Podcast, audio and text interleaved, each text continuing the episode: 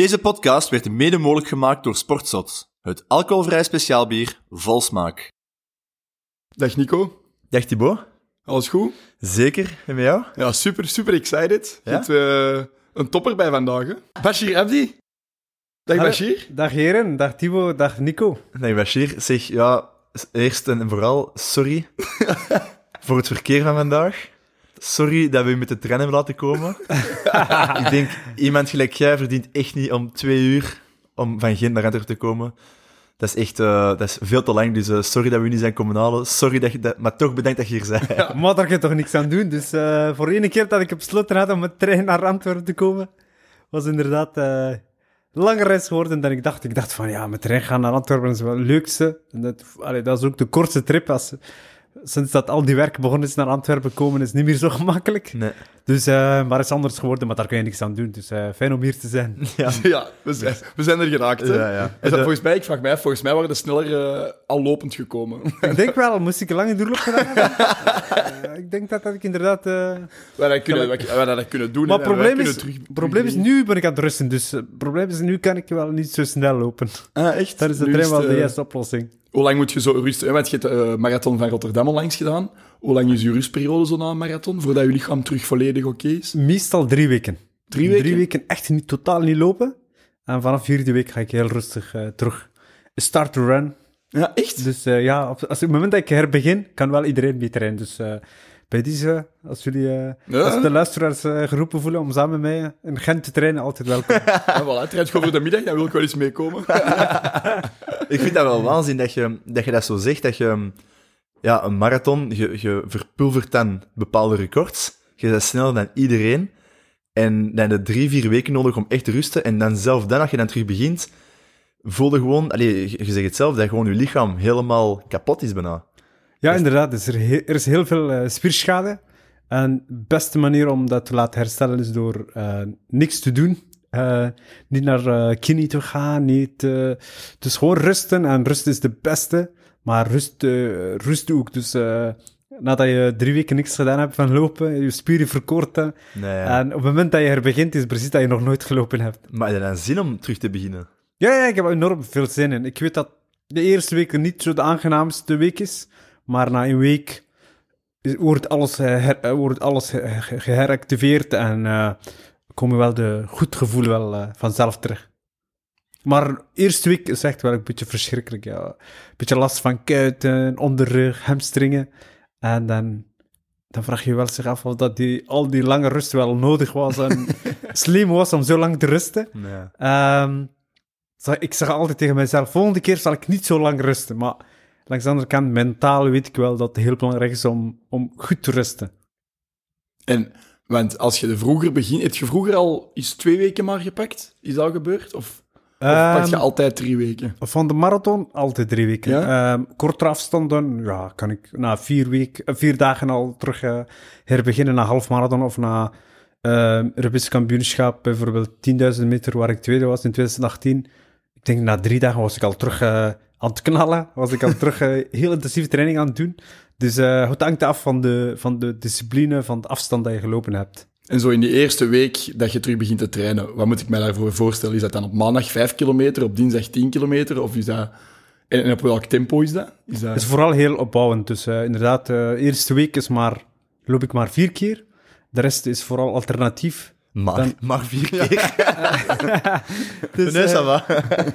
dus de rest is vooral alternatief. ehm aqua joggen, ehm, lopen in de water. En dat is echt geestig. Eh, ik ga meestal zo...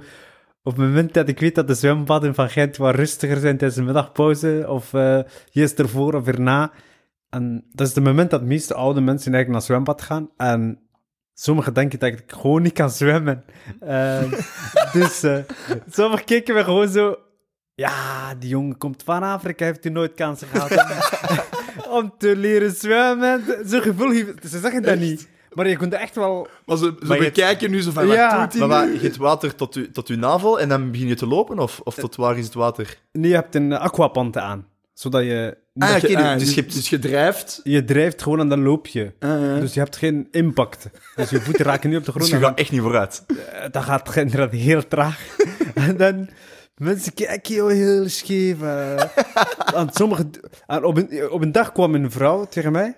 Kwam, ze komt tot me, meneer, wat ben je aan het doen? Ik zeg, ik ben aan het lopen. In de water? Ja. Je hebt je schoenen toch niet aan, hè? Echt waar, dat heb ik meegemaakt. Ik had zoiets van, nee, die leggen nog... Yes, vandaag niet, maar vorige keer had ik wel mee. Je moet zo'n badje kopen voor in noir. Zo van, Aqua eh, ik ben niet aan het zwemmen, ik ben aan het aqua-joggen. Leave me alone. Ja, maar heel veel mensen weten dat ook niet wat aquajoggen is. Ja, ik heb er eigenlijk nog nooit... Allee, niet, ik kan me er iets bij voorstellen, maar ik heb er wel nog niet van gehoord. Oh, dat wordt echt veel gebruikt. eh, dat, dat wordt veel gebruikt. Ik weet niet, eh, Nico, of dat jullie bij jullie ook, Thibaut, of dat jullie bij, bij hockey af en toe, als je geblesseerd bent. Ah, wel, dat is het dat- enigste. Ik ging juist zeggen, als je geblesseerd bent, dan Ja. doen we dat wel. Ja. Maar om echt te zeggen van, eh, qua sport, aqua, aqua joggen, ja, nee, dat ken ik niet. Het is, eh, het is meer echt voor, misschien voor conditioneel en zo dat je dat doet, maar is dat echt ook effectief een sport? Voor ons is een eh, training zonder impact. Ja, oké. Ah ja. Ja.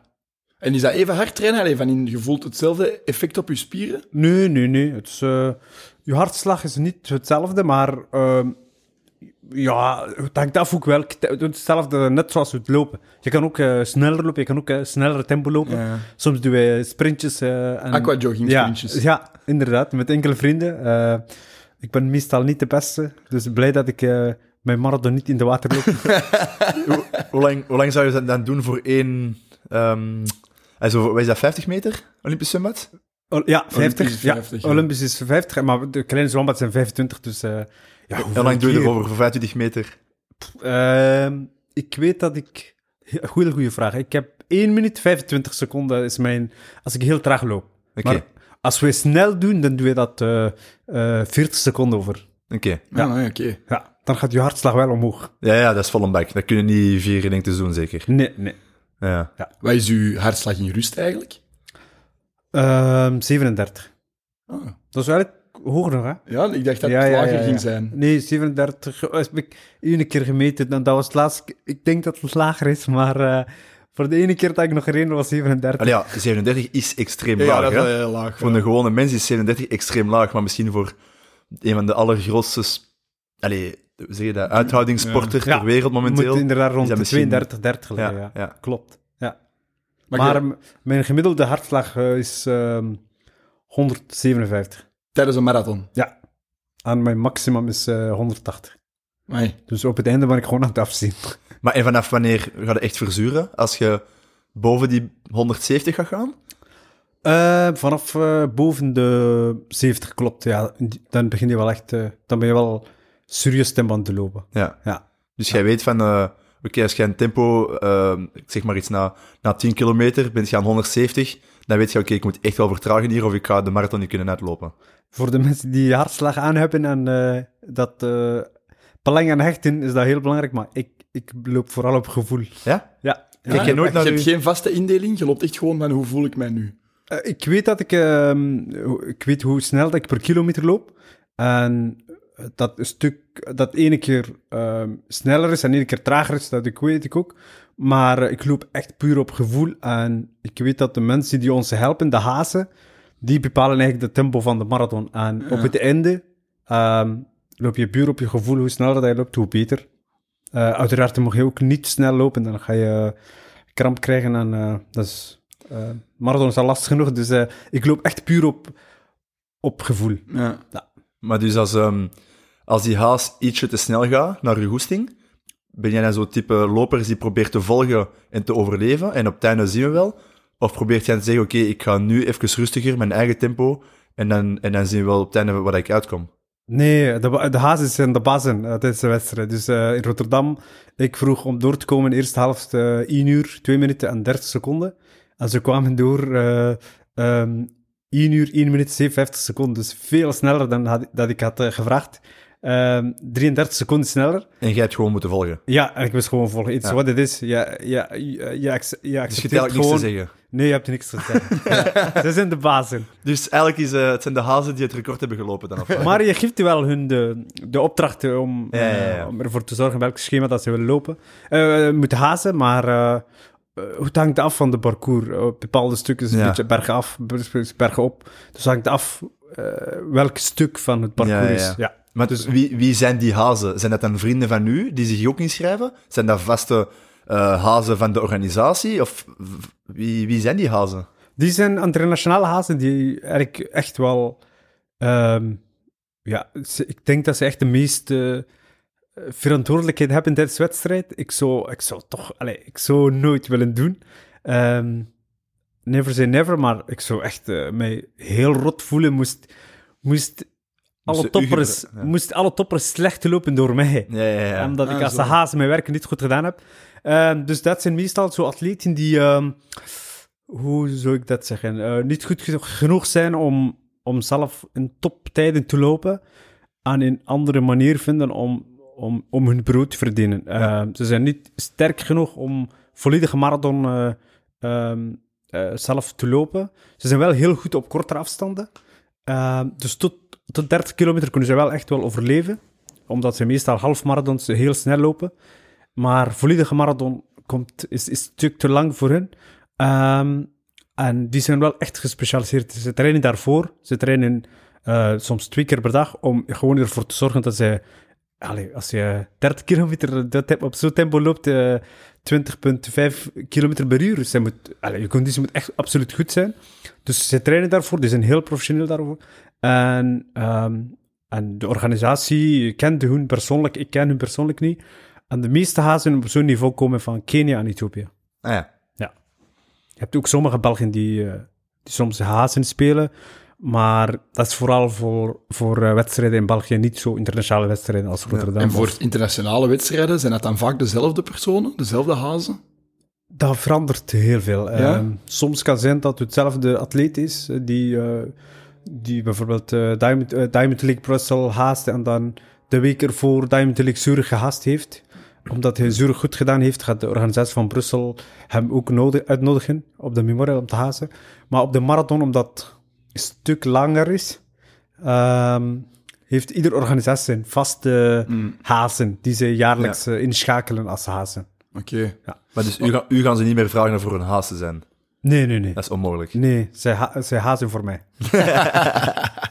Uitrol. laten we het misschien hebben over Rotterdam. Hè. Je hebt daar toch ehm, ja, het eh Europees record verbroken. Proficiat. Dankjewel. Met 40 seconden heb ik gelezen. Klopt dat? Ja, Dat is eh, toch wel ineens een hele hap uit dat record. Hè. 40 seconden op een marathon is niet zoveel. Ja. Moest op, moest op 10 kilometer zijn, dan zou ik eh, inderdaad heel veel, veel noemen. Maar ehm, goed idee om Europees record eh, te lopen eh, is gekomen in 2020.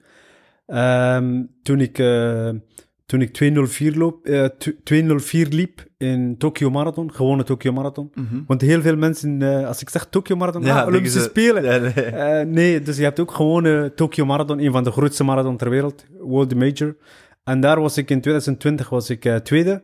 Ehm, liep ik twee uur en vier minuten. En toen, dacht, toen wist ik van mezelf dat ik niet perfect wedstrijd had gelopen. Ehm, ik durfde niet om mee te gaan met de kopgroep. En op het einde liep ik de laatste 12 kilometer, was ik het snelste van alle deelnemersveld. Eh, ik liep gewoon op het eind sneller en sneller. Maar de eerste helft, eh, eerste helft heb ik echt veel laten liggen.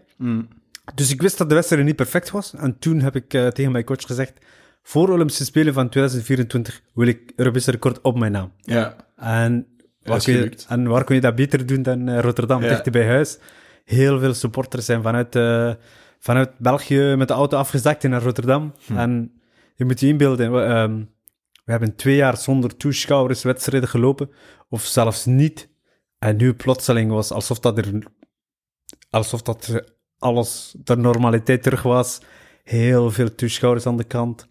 Echt op bepaalde stukken van de parcours. Dat, ik word echt gewoon doof van. Ja? Ja, Geeft die- dat kippenvel? Duwt u dat voorwaarts? Oh, absoluut. Dat, Ja? dat heeft, die thuisgevoel heeft het verschil gemaakt in Rotterdam. Absoluut. Dus in Parijs gouden medaille met alle thuisfans die komen kijken. Dus bij deze eh, een warme oproep in Parijs. Zowel voor de hockeyers, eh, mannen die ook een heel zware opdracht hebben. Alles gewonnen hebben. En ze moeten alles herdoen. Hè? Dus eh, ehm, ja, de toeschouwers, dat maakt absoluut het verschil. Absoluut. Ik heb willen lezen dat u, uw drie beste vrienden ook op de fiets bijna alles gevolgd hebben. Of mee hebben gefietst. Ze hebben, ze hebben mij bijna afgeleid. eh. Ze waren overal gewoon. Ze waren wat dan? Ze waren waren overal. overal. Zij waren gewoon naast, de, naast ons kon je, was er een baadje dat, ja, voor fietsers. En eh ze waren gewoon de hele wedstrijd. Kom op, Bashir, je doet dat goed. Ga mee. En dan eh, tussen, 25 en vijf- eh, tussen 25 en 30 kilometer was echt de wedstrijd ontploft. En het was in eh, watervoorraad en ik, ik nam mijn drank. Ik dacht van, ik ga eerst heel diep inademen, zodat ik eh, straks geen kramp, eh, geen Steek. steek, steek of zo heb. En ik was echt bezig met mijzelf en dan plotseling kijk ik naar voor mij. En dan plots was er zo een gat van 300 meter van mij aan de Keniaanse kopgroep die daar... eh ze hadden ons gezegd, de dag voor was technische meeting. Ehm, en toen zeiden ze, tussen 25 en 30 kilometer is de traagste 5 kilometer van de parcours. Haas, zorg ervoor dat jullie daar extra versnellen en echt eh, zorgen dat jullie daar mee zijn en niet vertragen. En drie Kenianen eh, van hetzelfde management hadden met elkaar afgesproken onderling. Dat is de moeilijkste plek van de parcours. Bashir traint niet veel, eh, zoals in Kenia, op en neer. We gaan daar kapot versnellen, dan gaan we Bashir daar aflopen. Echt? En echt, dat, dat was precies dat ze, zo, dat ze sprintjes, de Borlees waren. Echt, sprintjes getrokken, zo lang een sprint getrokken.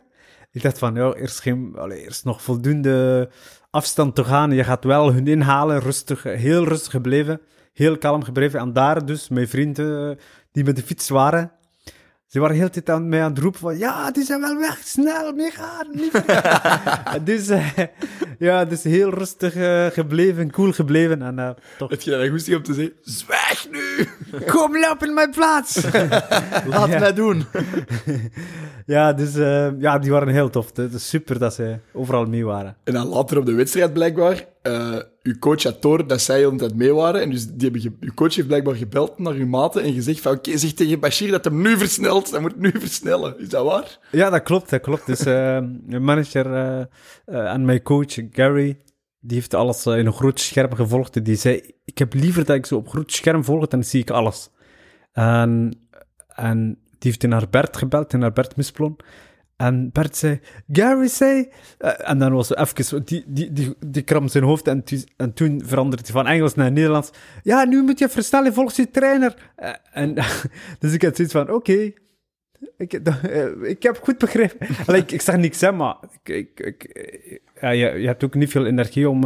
je loopt zo zuinig mogelijk, dus ja. Ja, inderdaad klopt dat de coach eh, naar hun gebeld heeft. En dan passeerde de finishlijn. Ja, je wint die marathon, je, je verpulvert dat record. Heb je het meteen door? Ik wist dat ik... eh, ik wist dat ik Europees record eh, schema's had. Ik wist dat ik Europees record aan te lopen was. En ik wist dat ik ook ging winnen. Maar ik wist absoluut niet dat ik onder de twee uur en drie minuten aan het lopen was. Echt, ik wist... Ik dacht van, ik ga twee uur, vier minuten en tien seconden lopen. Zes seconden beter dan Europees record. Ja. Dat had ik in mijn hoofd. En 300 meter van de finish zag ik door ver van de klok eh, aan de finishlijn. En toen geloofde ik niet. Toen Echt? dacht ik van... Jij dacht, die klok heeft stilgestaan. En dan begon ik zo naar mijn horloge te kijken om te vergelijken. En ik denk dat ik daar toch een paar seconden verloren heb. dus je had nog scherper kunnen stellen, eigenlijk. Door gewoon eh, zeker te zijn en naar mijn horloge te kijken. Ja, Vol ongeloof. ja, ja absoluut. Zalig. En daarna, ja, goed feestje gevierd of niet? Want ja, je bent nu eigenlijk op rustperiode, dus... Ehm, ja, een eh, feest van, eh, van een afstandloper is niet zo vergelijkbaar als de hoekjes. dus het was niet zo hevig als bij jullie, maar we hebben toch goed gevierd. Ja, dus het was echt het was een happy day voor, voor iedereen. Niet alleen voor mij, maar ook voor de organisatie van Rotterdam. Eh, de week daarvoor was Amsterdam Marathon en daar liepen ze twee uur. Eh 3 minuten en 39 seconden. En dan plotseling was Amsterdam de marathon van, van, van, eh, van, van, eh, van Benelux. Ehm, en Rotterdam, organisatie was een beetje paniek. En dan liep ik drie seconden sneller. Rotterdam was back to business, de, de beste marathon van, Voilà. van Benelux. En ja, het was een groot feest voor... Ja, in de, de hotel was op de SS, SS Rotterdam. Ik weet niet of dat je kent. Nee. Zo'n Titanic-boot. Ja, ja. Daar is de hotel, dat was de hotel waar we verbleven. En Ah, daar, eh, daar wordt wel eh, stevig gevierd eh, Nice. de avond. Maar, en welk gaf u de meeste voldoening? Bronzen medaille dan op de Spelen of toch deze record in Rotterdam? Oh, ik ga voor brons. Bronzen medaille. Ja? In medaille... In medaille is forever. Ehm, in tijd kan altijd verbeterd worden. Tijden zijn daarom verbeterd worden. Ik hoop dat ik eh, enkele jaren Europees record op mijn naam gaat hebben.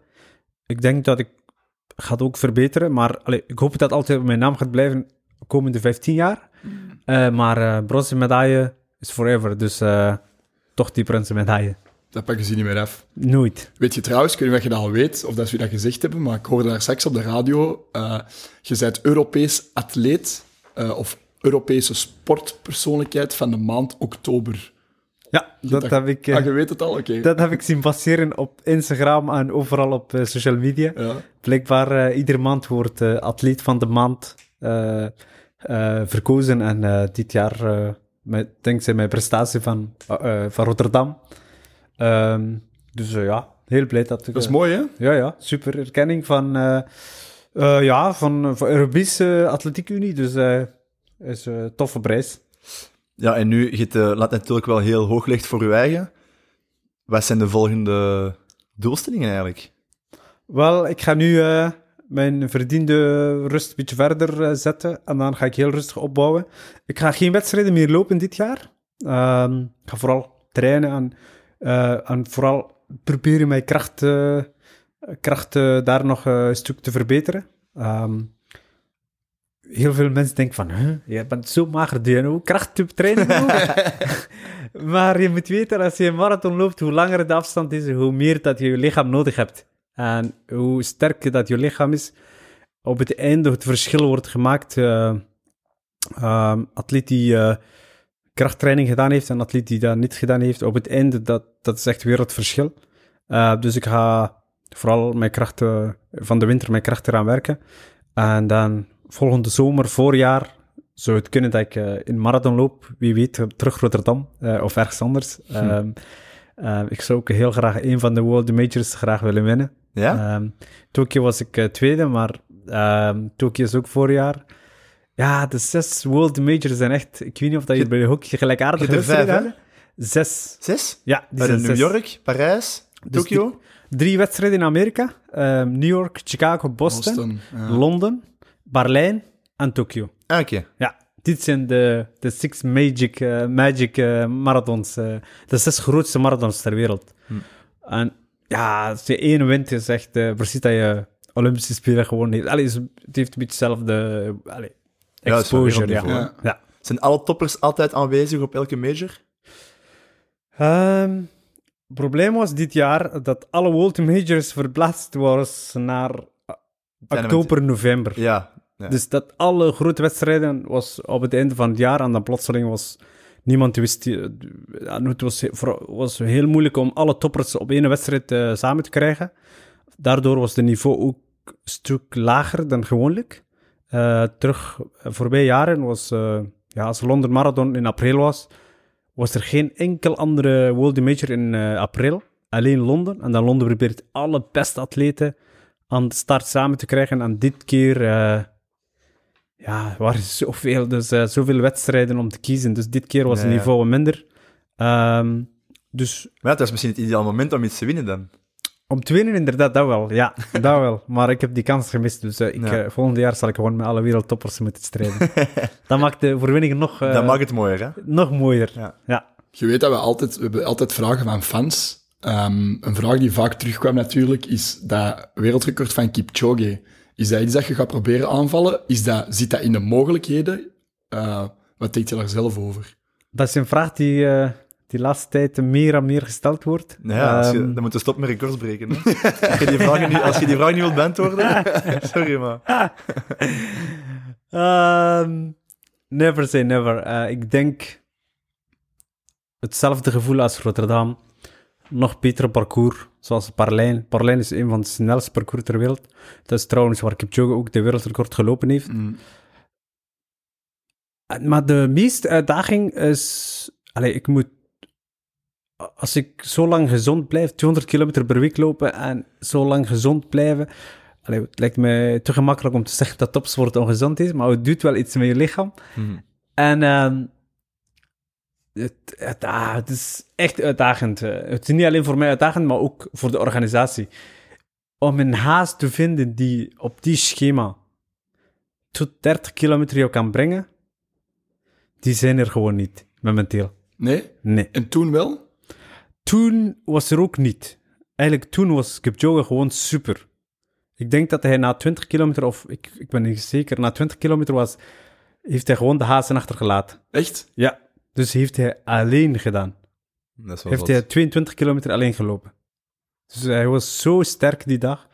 Dus eigenlijk Ehm, nog indrukwekkender dan... Dan maakte de record er nog. eh, dus ik denk dat niet onmogelijk is niet onmogelijk. Ehm, ik sluit dat niet uit. Ik ben heel eerlijk over. Ehm, Maar bon, de kans bestaat dat, dat hij het zelf ook gewoon gaat verbeteren. ik hoop het van niet, want eh, ik hoop dat hij ik hoop dat die record gewoon niet. eh, want als het drie seconden, nog tien seconden verbeterd wordt, dan is het voor mij onhaalbaar.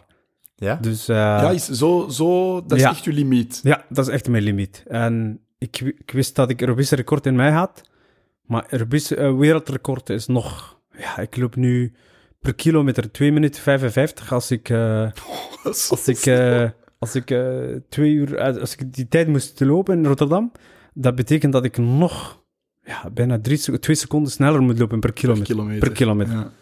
En dat is echt snel. Dus eh, het is mogelijk. Ehm, alleen een super dag. Dat de hazen sterker genoeg zijn, eh, sterk genoeg zijn om mij tot 30 kilometer eh, weg te zetten. En gewoon een super day. ja, een perfect dag. is het mogelijk. Ehm, maar Rotterdam of eh, parcours zoals Rotterdam of ergens anders, ik denk dat niet mogelijk. Maar in Berlijn, you never know. Is eh, echt een is super snel parcours. Ehm, ik denk dat alle wereldrecords wel daar verbroken zijn. Ehm, dus, eh, Waarom is dat zo snel? Is dat minder bochten, wat meer afhellend? Of, of... Het is heel vlak. Ja, Ehm, en de weeromstandigheden in september zijn meestal heel gunstig voor marathon. Oké.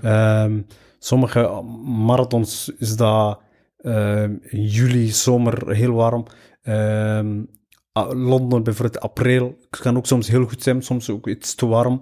Het weer is gewoon perfect in september voor een marathon. En eh, meestal is vroeg in de ochtend eh, echt geen wind, bijna geen enkele wind. Ehm, en ja, vlakke parcours. En dan zorgen ze ook dat er wereldtoppers samenkomen. Mm. Dat ze elkaar helpen. Dat ze, ja, het is- lopen is echt mooi. Ehm, dat als iemand beter is, is het beter, maar tegelijkertijd... Jullie zijn concurrent van elkaar, maar toch helpen jullie elkaar onderweg. Ja. Eh, wie straks wint, niemand kan voorspellen. Maar van start tot eh, de 10 kilometer van de finish is iedereen... Je hebt steun aan elkaar. Ja, absoluut. Ja. Je ziet zo atleten die dranken missen en eh, delen ze gewoon één drank. Echt? Ja, ja. Ja, absoluut. Dus... eh, Ah, dat is wel. Dus het is niet zo van, ah, die heeft drank gemist. Nee, nee, dat is echt gewoon... Nee, nee, nee. Ik, in Rotterdam, ik heb eh ene keer mijn drank gemist. Ik heb ook eh, van iemand anders gekregen. Een vriend van mij die derde was. Ja, in- in- dus mijn concurrent die derde was, heeft twee keer gemist. Heb ik twee keer mijn drank gedeeld met hem. Dus het is, atletiek is echt iets mooi. Ja, dat is, en dat is altijd zo. Dat is niet omdat jullie zo elkaar goed kennen of zo. Dat is altijd dat jullie... Nee, nee, nee, nee. Het is gewoon... Allee, je weet gewoon van jezelf, als je drank mist, dat je bankeert. Bij die andere persoon is iedereen hetzelfde, dat is onnodig. Dus eh het is niet omdat je drank ge- geeft of zo, dat hij daardoor plotseling sterker is of zo. Dat is, Dat is wel ja, mooi. is heel mooi, inderdaad. Is, eh, Ja. ja. En wat dat er gebeurd is in Tokio met jullie twee, dat is iets dat ik toch nog niet vaak gezien heb, denk ik. Laatste tijd, eh, overal waar ik ga, moet ik eh, over de de laatste 30 seconden van de marathon in Tokio praten. Ja. Eh, in Sapporo praten. En dan heb ik zoiets van, de marathon was wel niet 30 seconden. Hè? Nee, Was- maar het is wel, ja, je komt dan tot op dat moment en dan, ja, je zit toch hard aan het afzien, precies. Ja, klopt. Ik had echt de laatste, mijn laatste, laatste twee kilometer was gewoon echt aan het afzien. En eh, mijn eh goede vriend, Abdi eh, wat, je daar, wat je daar ziet, is een vriendschap dat begonnen is in 2008 in Brussel, tijdens het Europese kampioenschap. Daar heb ik voor de eerste keer Abdi leren kennen. En ehm, over de jaren hebben we heel veel samen getraind, hebben we heel veel dingen samen meegemaakt. Ik denk dat er een tijd was, in 2013, dat wij beiden in Ethiopië waren. En ik had geen steun van eh, Sport Vlaanderen of wie dan ook. Hij ook niet. En eh, we hadden gewoon besloten om eh, deeltijds te werken en dan eh, iets te sparen en ticket te boeken naar Ethiopië. Ehm, we hebben samen een kleine kamer gehuurd in Ethiopië. Ehm, en er was maar één matras in die kamer. Ehm, en om ervoor te zorgen eh, dat die matras groot genoeg was voor onze beiden, ja, moest ik op de voetjes van Abdi slapen en hij omgekeerde. Ehm, dus eh ene Ja, omgekeerde... zo crisscross echt. Crisscross, ja, omgekeerde. En zo hebben we dus, ja, zo hebben we echt veel dingen meegemaakt. En eh, nu trainen we, de laatste twee jaar trainen we samen. Abdi is bij onze groep gekomen. Hij Heeft daarvoor, eh daarvoor trainde die met Kipchoge zijn groep. Die deed enorm heel veel kilometers met Kipchoge, maar niet iedereen is Kipchoge. En daardoor liep die heel veel blessures op. En hij zag ook eh, dat ik sinds dat ik een nieuwe coach had, dat ik in heel korte tijd eh, echt wel verbeterd was op, mijn, op de marathon. Ehm, en dus, dat die, dus dan, dan heeft hij besloten om ons te komen trainen. En eh, dat heeft heel goed gedraaid. Ehm, we waren eh, acht weken voor de Olympische Spelen waren we in Frankrijk, Zuid-Frankrijk, in Formeux. En daar hebben we heel hard getraind. En meestal op training, omdat ik van 5 en 10 kilometer kom, ik heb wat beter snelheid dan Abdi. Ehm, ben ik wel sneller dan Abdi. Ik liep ook vroeger eh, op de piste 1500 meter en al die kortere afstand. Dus qua snelheid ben ik wel beter.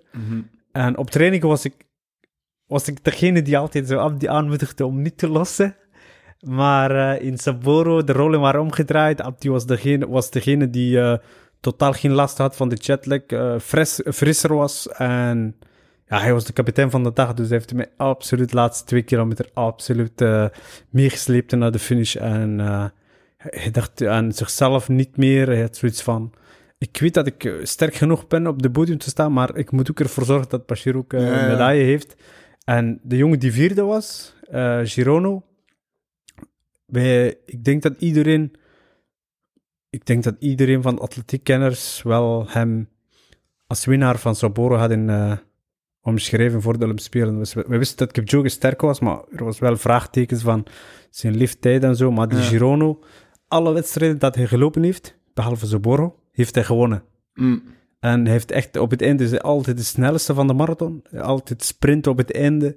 En we, ik, dus eh, we hadden nooit gedacht, ik en Abdi, dat wij hem zouden kloppen. Maar we hebben hem op een mentale manier hem geklopt. Het was, eh, het was heel mooi om dat te zien. En eh, dat beeld ging inderdaad, eh, dat was wereldnieuws. eh. Ja, ik, denk dat iedereen er, ik heb er toch veel van gekregen toen ik dat zag. Dus, Ja, ik ook. En, en dat is pure vriendschap gewoon op, op mondiaal niveau. Dat is, dat is wel heel mooi.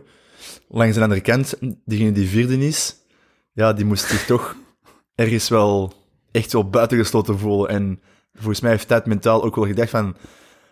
Ja, dat hij zelfs dacht van, ik mag niet op dat podium. Die, die twee zijn gewoon tegen mij. Ik, allee, en je ziet wel dat hem ergens misschien een slag heeft gehad en dat hem, hij kon ook gewoon niet meer ja, sneller gaan. Dat ging gewoon niet meer. Maar zodra hij over de finish was, was hij ook eh, echt... eh, was meteen knuffel. Ja, en- toch? Ja, ja, ja, absoluut. Dus, eh, we Maar zijn- is dat dan een, een vriend of is dat dan gewoon een kennis van de sport? Of hoe Een kennis van de sport gewoon. Nee, Oké. niet echt vriend, nee. Maar hij, heeft Gewoon geen, hij is niet kwaad op jullie? Nee, nee, nee, nee samen- totaal niet. Hij heeft ons eh, beiden echt eh, persoonlijk gefeliciteerd. En eh, na afloop eh, moesten we alle vier, ehm, de winnaar, eh, we moesten al alle vier dopingcontrole doen. En de dopingcontrolekamer eh waren we met hem aan te praten. En die zei van, ja, ik, eh, ik ben heel blij voor jullie. eh, dat is sport, eh, geen enkel probleem. Het komt, mijn kansen komen wel nog. eh. Hij kent ook jullie situatie natuurlijk, dat jullie Ja, zoveel ja, meegemaakt. En... Ja. Absoluut, die kennen onze, maar niet alleen vandaar, maar daarvoor kenden wij ook elkaar en eh, van voorbije wedstrijden. Ehm,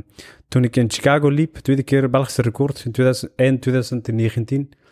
Ehm, ik liep 2.6 en hij liep 2.4.01 of zo op, in Chicago. Eh, de- en de manier hoe dat hij de wedstrijd won, Chirono, was echt in- indrukwekkend. Zo 400 meter van de finish waren zij nog met vier. Ik heb, ik, ik, nu toe heb ik eh, bijna geen enkel marathon gezien dat er vier mannen gewoon naast elkaar sprinten. En, en hij was de snelste en we dachten van, die man is wel heel gevaarlijk. En Kipchoge, ja, die was, ja, die was gewoon indrukwekkend weer. Dus eh, hopelijk, eh, ja, hopelijk eh, komt wel de kansen van Girono in eh, Tokio, eh, in, in Parijs 2024. Ja, ja, dus, eh, ik, ik, gun hem, ik gun hem wel, ja. En Kipchoge in Parijs?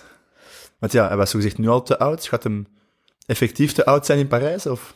Ah, het probleem is... Kipchoge is iemand die we nooit mogen eh, uitschrijven. Hij is echt... Hij is expert van de marathon. eh. ik weet niet. Qua leeftijd... Hoe oud is hij nu?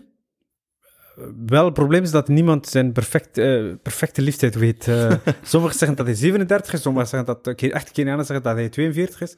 Maar van mij mag hij zelf 100 zijn. Maar dat maakt zijn prestatie gewoon nog straffer. Ja, tuurlijk. Als, je, dat die, die, als die leeftijden kloppen, dat hij als hij 42 is dan nog altijd zo loopt, ja, dan heb ik nog eh, veel jaren te gaan. Bashir, ben jij 32 of ben jij 35? Ik, eh, op paspoort 32. maar hoe zit dat? Waarom... Allee, hoe, hoe komt dat dat dat altijd zo is? Dat, je, dat, dat ze een beetje foefelen met die leeftijden. Is dat echt iets dat ze doen? Is dat... Is dat hoe komt het? Ben je ooit naar Afrika geweest? Ja. Ja. En Waar Afrika? Toch niet Zuid-Afrika. We, hebben, we hebben gedaan Senegal, met Kenia Senegal, gedaan. Kenia, Zuid-Afrika ook wel. Zuid-Afrika, ja. Wel, een vraag dat je je zeg, moet stellen is... ehm, hier bij ons, zo in Westerse land, iedereen is, de meeste mensen zijn geboren in, eh, in een ziekenhuis. Of eh, als die zelf thuis geboren zijn, wordt die meteen eh, geregistreerd. Ja, ja. Maar daar, de meeste zijn wel geboren eh, in de berg. Maar dat, dat snap ik. Maar dus het is echt effectief het feit dat, dat hij het zelf niet weet. Ja, Oké. ja. En op het moment dat hij zo goed is, op het moment dat hij ehm, in contact komt met de sportwereld, met de, met de sportmensen van zijn land, eh, federaties, zegt hij gewoon een leeftijd dat hij denkt dat hij is. Ja. Of ehm, in, in eh, vele, en in vele momenten zelf, in vele gevallen, wordt gewoon door de federatie iets verzonnen. Zodat hij eh, kan deelnemen op... Mhm. Ah, wel, eh, maar dus dat, dat is wel iets dat, dat echt wel gebeurt. eh, Dat, dat, dat gebeurt, in- eh, dat gebeurt eh, vandaag nog. Ja, ja, ja. Maar want ik weet- ze het gewoon niet weten. Nee, nee, dus ja, je ik moet weet- er een datum op plakken dan. Ja, dan moet... Wij, wij bijvoorbeeld, wij speelden in 2010, eh waren wij met de hockey ook, mede dankzij Thibaut. Dus Thibaut was Europees kampioen geworden in, eh, met de min 18, de nationale ploeg. Waardoor dat onze leeftijdscategorie naar de jeugdolympische spelen mocht in Singapore. Ja. In 2010. En we spelen, eh, ik denk, de laatste poolmatch tegen, tegen Pakistan. En de winnaar ging naar de finale. Ehm, en ja, ja, die gasten van Pakistan, die waren precies Papa's. 25, maar wij waren 16 jaar oud. dus dat was 16, 17, 18 jaar oud. En die leken gewoon, maar echt letterlijk 5, 6, 7 jaar ouder.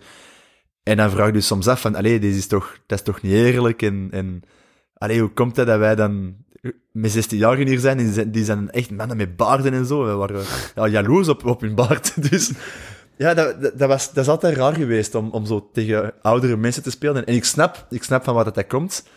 Maar langs de andere kant, ja, ze, ze spelen inderdaad, ze spelen er ook wel mee. Ze spelen misschien af en toe ook vals. Dat is toch wel een beetje, ja, dat is wel gek, hè? Ja, dat is inderdaad niet eerlijk. Hè? Vooral als het gaat, ehm, als het gaat over senioren, dat, I don't give a shit. eh, hoe ouder of jonger, ik denk dat iedereen wel dezelfde kans heeft. Ja. Maar bij de jeugd inderdaad. Ja, ja. Bij atletiek is het hetzelfde. Vooral bij de Mhm. jeugd. ehm juniorenkampioenschap, onder 20, eh belofte kampioenschap.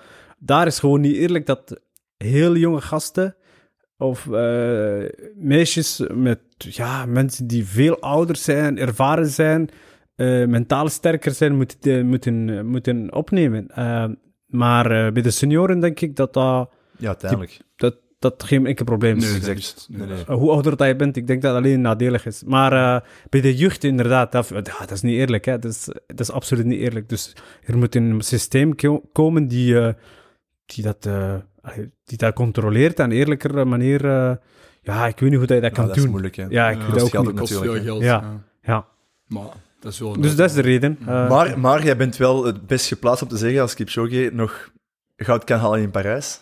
Ja, dan heb ik wel veel jaren. Ja. Ja. Maar... eh, ehm, dus... eh, ik had echt last van... eh, ik had enorm last van jetlag. Ik weet niet hoe dat komt. Het is niet de eerste keer dat ik gereisd ben naar een land waar tijdverschil was. Ik ben vaak naar Amerika geweest. Ik ben zelf ook naar Japan geweest in 2020 nog. Vorig jaar nog. Ehm, toen kwam ik vier dagen voor de wedstrijd aan. En ik sliep wat minder, maar door een of andere manier... ehm, ja, nu, de druk was een beetje groter dan eh, vorig jaar. Dus eh, die verwachtingen was er wel van, eh, van het hele land. En ik, ik had ook een van de snelste tijden. Ik bedoel, ik had vierde tijd eh, van de deelnemersveld. Ja, Dus Do- Was- Doet dat iets met u, om dat, dat er echt overal in de, in de pers wordt gezegd van dit wordt een medaillekandidaat? Of dit is een medaillekandidaat? Ja, uiteraard, uiteraard. Ja. Sommige, mensen, sommige mensen kunnen dat eh, gemakkelijk relativeren, gemakkelijk omgaan. En de andere is dat een stress eh, die, eh, die komt bij kijken is. Dus, dus bij mij, ik heb liever, ik ben heel bescheiden, behalve Rotterdam. Behalve Rotterdam, Rotterdam had ik wel mijn doel eh, heel luid bekendgemaakt, omdat ik ook afhankelijk was van de organisatie. Moest ik niet ambitieus genoeg was, zouden ze niet eh mij serieus nemen. Dus, eh, maar op een kampioenschap, ik heb zoiets van, you never know. Just chill en Mm, zie wat er gebeurt, ja. ja. Ja, ik zou het graag over Somalië willen hebben. Ehm, heb je nog een band met Somalië? Alsjeblieft. Heb je nog een, een sterke band met Somalië? Eh, ik heb nog heel veel families die daar wonen Ja. en mijn prestaties volgen. Ja, dus eh, sommige verhalen die ik van hun hoor is echt indrukwekkend. Ehm, eh, de situatie in Somalië laatste 37 jaar bijna. Dat gaat van ene situatie naar de andere. In het begin was burgerlijke oorlog, eh, daarna veranderd naar, ja, naar eh, ehm, nu momenteel vooral het terroristengroep Al-Shabaab die eh, ja, heel veel eh, slechte dingen doen, eh, ontploffing, eh, heel veel onschuldige mensen eh, ehm, staan iedere dag ja, in problemen met al, alles wat ze doen. Ehm, maar ik heb families die nog altijd daar wonen. Dus eh, een van mijn ooms heeft mij recent eh, nog gebeld.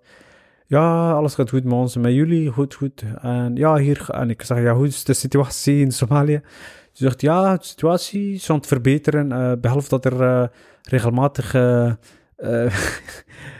bussen ontploffen. Vorige week was ik in de bus en de bus voor ons is ontploft. Oh my god. ik heb zoiets van, dat is toch niet normaal? De manier hoe dat hij mij vertelt is Ja, precies... Precies dagdagelijkse kosten. Ja, van, die zijn gewoon zo gewend geraakt. Zo normaal, normale zaken van, eh, die iedere dag eh, dat ze meemaken. Maar en zijn ze zelf dan nog bang? Eh, Nee, ze zijn, ja, ze, ze zijn, ze hebben geaccepteerd wat het is. En iedereen probeert, probeert het beste van te maken en niet bezig te zijn. En, ja, En je hoort ze nog Zet je daar al eens geweest? Nee, ik ben niet meer terug geweest. Nee. Ik denk dat ik een van de doelgroep van die eh, groepen ben als ik daar ga. Dus, Ja, eh, ja, bekend figuur. Ik ben een beetje verwe- verwesterde Bashir die... eh, ja, dus nee, ik, pff, ik ben wel naar Djibouti geweest. Ehm, buurland van Somalië. Ik ga vaak ook naar Ethiopië. Op hoogtestage ook buurland van Somalië, Kenia soms. Maar in de hoofdstad eh, is momenteel eh, niet mogelijk om, eh, om En- te gaan. Zou je dat graag willen doen? Ik, eh, ik heb eh, een tijdje geleden heb ik zo, eh, was ik van plan om een reportage, niet een reportage, een documentaire met Rudy Frank Ah, ja. te doen. ehm, ehm, en ja, ik heb die reportage achteraf gezien en enkele Vlaamse acteurs, acteurs zijn meegegaan en ik niet. Ik durfde niet. Ja? Ik had zoiets van, ik, mensen kennen mij en weten mij dat ik wie ik ben, dus ik ga liever ook geen risico nemen. En doet dat pijn in Maar ik zo, je- ja, ik zo, ik hoop het echt wel dat ooit, eh, de, die, als je begrijpt de reden van, de, van die probleem die zo lang al bezig is, is echt achterlijk. Dus, eh, is voor niemand goed en toch is iedereen bezig. Eh, dat is zo ene stam die zegt, ja, wij, de macht is van ons, de andere zegt nee. ah, dat is iets dat je democratische systemen als bij ons eh, nooit zal begrijpen. En heeft dat te maken met geloof of zo? Of is dat, hoe- zijn die stemmen ten opzichte van elkaar gekomen? Dat is in landen met enig geloof, dus eh, met éénzelfde taal, met éénzelfde cultuur. En toch komen ze niet overeen met het politieke systeem van het land. Ja. Ja. Dus, ja. Dat vind ik ook, vind ik ook, ja. Dat is belachelijk. Dat Maar ja, belachelijk, is super belachelijk. Dat je, Moest, eh, er, moest er een land zijn met verschillende culturen, met verschillende ja. geloven, dan, dan kun je nog begrijpen dat er wat conflict is van, Ja. van al die thema's. Maar nu is, is dat allemaal niet van toepassing. En dat is eigenlijk zot. En- ja. Want jullie hebben dan, toen dat je heel jong was, ik denk, hey, je wordt zes jaar toen, dat, toen dat je ouders beslisten om, om effectief het land te verlaten. Ehm, heeft je familie dan nooit, die, de mensen die daar nog altijd zijn, overwogen om die stap ook te maken? Ehm, ik denk dat wel iedereen eh, heel graag die stap zou willen doen, maar eh, het is een stap die ondertussen niet meer. eh, ehm, als je vader en papa hebt die in Europa is en je kan DNA-testen doen en op basis daarvan, dan kun je, kon je wel, wel die stap doen, maar het is ook niet meer zo makkelijk dat iedereen dat kan doen. Dus het moet echt, je moet echt wel familie hebben die dat kan bewijzen dat ze je familie zijn. En eh, als ik over familie heb, dat is, gaat over eh, je vader en moeder. En Ja. niet, eh, Mm. dat- dus ja, dus de, er zijn procedures en de voorwaarden zijn niet voor iedereen. eh, Want hoe hebben jullie, hoe hebben jullie dat gedaan? U, u, Mijn- uw mijn mama moeder- is naar België gekomen. En later heeft ze, ehm, heeft ze een aanvraag gediend en heeft ze DNA-test gedaan. Op basis van die moesten wij ook een DNA-test doen op de Belgische ambassade in Addis Abeba. Ja. Eh, dat is de reden waarom dat we naar Addis Abeba, Ethiopië moesten komen, was ehm enige ambassade in Horen van Afrika, was eh, in Addis Abeba, in de hoofdstad van Ethiopië. En daar, eh, ja, het is niet maar zomaar dat je het komt. Het is, En hoe komt dat zij binnen mocht? Ehm, wel, ik denk... Mijn moeder was... Ik denk niet, maar ik ben zeker... Mijn moeder was in India. Ze was eh, ehm, een handelaar. En op het moment dat de oorlog begon... Kon, ehm, was niet meer mogelijk dat, dat ze terugkeerde naar de hoofdstad. En, Dus jullie waren in Mogadishu Ja. En, en, mijn, moeder was in India. mijn moeder was... eh, was een handelaar, hij was degene die, eh, ja, die alles zorgde. Meestal is het omgekeerde, is de man die, Hm. die alles eh, zorgt in, eh, in Somalië. Maar bij, bij, bij ons, bij ons was de een of andere manier omgekeerd. Mijn moeder was degene die naar India ging. Ze kocht in grote hoeveelheden eh typisch Somalische kledij Mhm. en verkocht ze dat in, in Somalië. Ehm, en op, ze was in India op een business trip om, om haar aankoop te doen. Dan begon de oorlog. En het was niet meer mogelijk dat zij terugkeerde naar de hoofdstad. Zij is doorgereisd van India naar, eh, ik weet niet hoe dat juist gebeurt, business, eh, pff, iets, toerist, ik hoe dat dat juist verlopen is, van India naar Spanje. En van Spanje is mijn moeder eh, terechtgekomen in eh, België. Oké. En dan later is zij erkend als eh, politieke vluchteling. En pas nadat ze erkend was, heeft zij een aanvraag ingediend om ons dan ook hier in België te Jullie krijgen. waren toen nog wel in Somalië. Eh, in Djibouti, eh, ondertussen, eh, dus ondertussen zijn we ook gevlucht. Waren wij bij family in Djibouti. Dus dat was dan met uw, uw papa in... Mijn papa, met uw broers en mijn zus. Ja, Ja. En Maar dan dus je hebt dan uw moeder zes jaar niet gezien of zo? vier jaar niet gezien. ja. Dat is wel lang, hè? En hoe voelde u op die moment? Want je bent vrij jong. Hoe voelde u dan op die moment? Je moet je huis ontvluchten en dan zit je moeder een hele periode niet. Is dat een periode van u, alleen voor u van onzekerheid geweest? Of Ja, dus eh, dat was een periode dat ik gewoon niet wist wat er aan de hand was. Eh, Ja. ik, eh, mijn broer, die ouders dan mij, Ibrahim, die zei altijd, ah, komt goed. de mama komt die maand terug, die week terug. En dan was er gewoon, totdat zij onze belde. Hm. Totdat zij onze familie belde. En we hebben met mama gesproken. Ehm, en dan, ja, dus ja, het was triestig, hè, zonder mama. Ik, Ja. Zij was al vaak weg, maar toen was een week of zo en dan kwam ze terug. Hm. En nu was plotseling voor vraagteken tijd dat ze weg was. Ja. Ja. Dan komt je in België terecht, in Gent. Uw thuisstad nu. Ja, klopt. Je vindt het een fantastische stad, hè? Oh, Gent is, eh, ja, Gent is een heel fantastische stad. Het is eh, een stad waar, waar iedereen die woont inclusief voelt. Waar iedereen die woont eh, wel Gentenaar voelt. Ehm, het is een stad waar de samenleving op een heel positieve manier eh, geslaagd is. Ehm, daar kwam ik terecht in 2002. Ehm, of 2001, als ik me niet vergis. Dat is ondertussen heel lang geleden. En ja... alles was nieuw voor mij eh, toen ik hier kwam. Ik sprak de taal niet. Nieuwe cultuur. alles was nieuw. eh, en dankzij, en dankzij sport heb ik eigenlijk mijn weg gevonden in de, in de samenleving. Eh, ben ik eh, ontplooid, heb ik eh, vriend voor leven gemaakt. Ehm, ehm, ja, ben ik andere persoon geworden. Zelfvertrouwen gecreëerd dankzij sport. Dus ik, ik heb heel veel kansen gekregen do- door te sporten. Ja, wa- wa- wa- heeft dat uw integratietraject gemakkelijker gemaakt? Ja, absoluut, absoluut. Toen ik eh, atletiek begon, dus eh, toen ik in Somalië was, of algemeen in Afrika, enige sport dat we op tv zagen was voetbal. Ja. En ja, voetbal was echt een sport eh, dat iedereen ehm, droomde. En ik denk dat die droom nog altijd is. Ehm, nu ja, laatst, ik denk dat Kenia, Ethiopië wel anders is. Dat de eerste sport wel atletiek is, zowel Kenia als Ethiopië. Maar dat dat maar de meerderheid wel naar voetbal kijkt en hoopt ooit om ook zelf voetbal te, wo- te worden. ik wist zelf niet dat er andere sport bestond dan, eh, dan voetbal. Echt, ik dacht dat voetbal enige sport was. Dan kwam ik terecht in Gent, met tien lid geworden bij eh lokale club Standaard Muiden, gevolgd door SKV Oostaker. En pas in 2006 was een zomer, school was gesloten, deed ik eh, animatiecursus eh, om een speelblijmerking, eh, speelblijmerking te doen.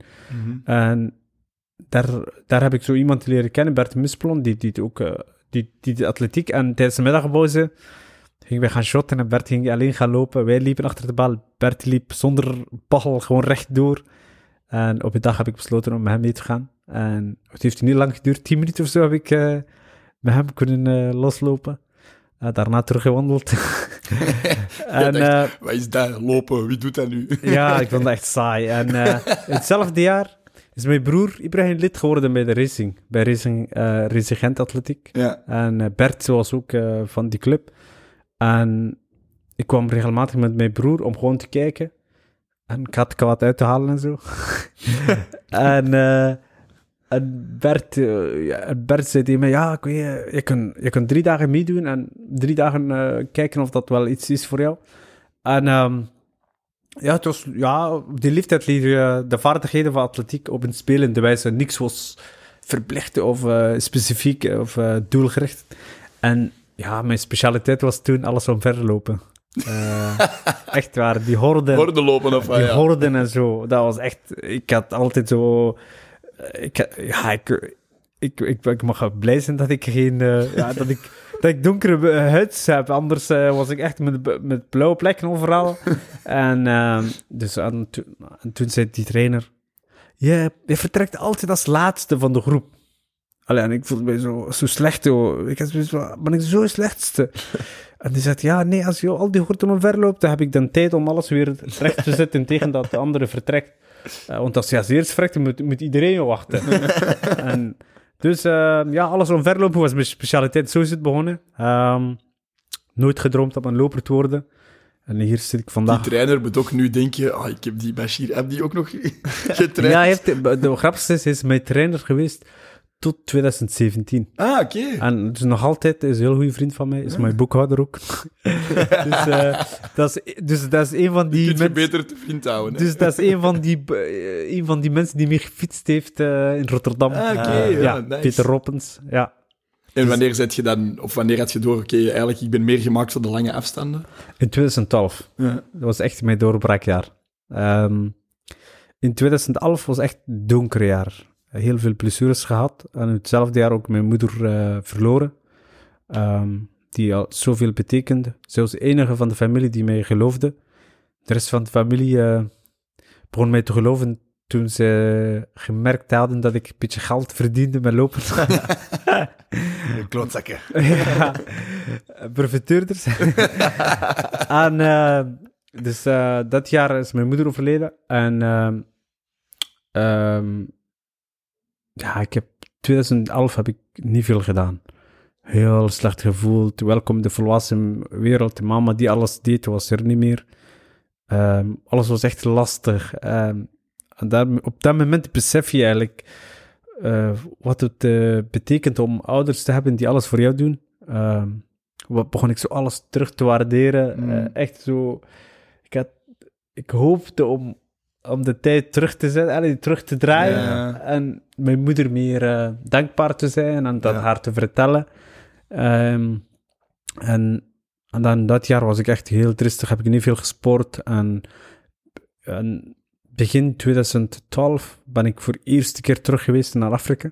Mhm. Ehm, het was eerder om zo, eh, om echt gewoon bij het rijden terug op te laden. En, te herbronnen. ja, de, de warmte doet wel iets met de mensen. Ja? Dus, ja, absoluut. En die warmte heeft mij absoluut geholpen. Ehm, ik heb eh, getraind. Eh, er was tijd om te trainen, maar daarnaast hebben we heel veel gereisd. Ik en Bert Mispelon en ik ehm, hebben de realiteit van Utopia met onze eigen ogen gezien.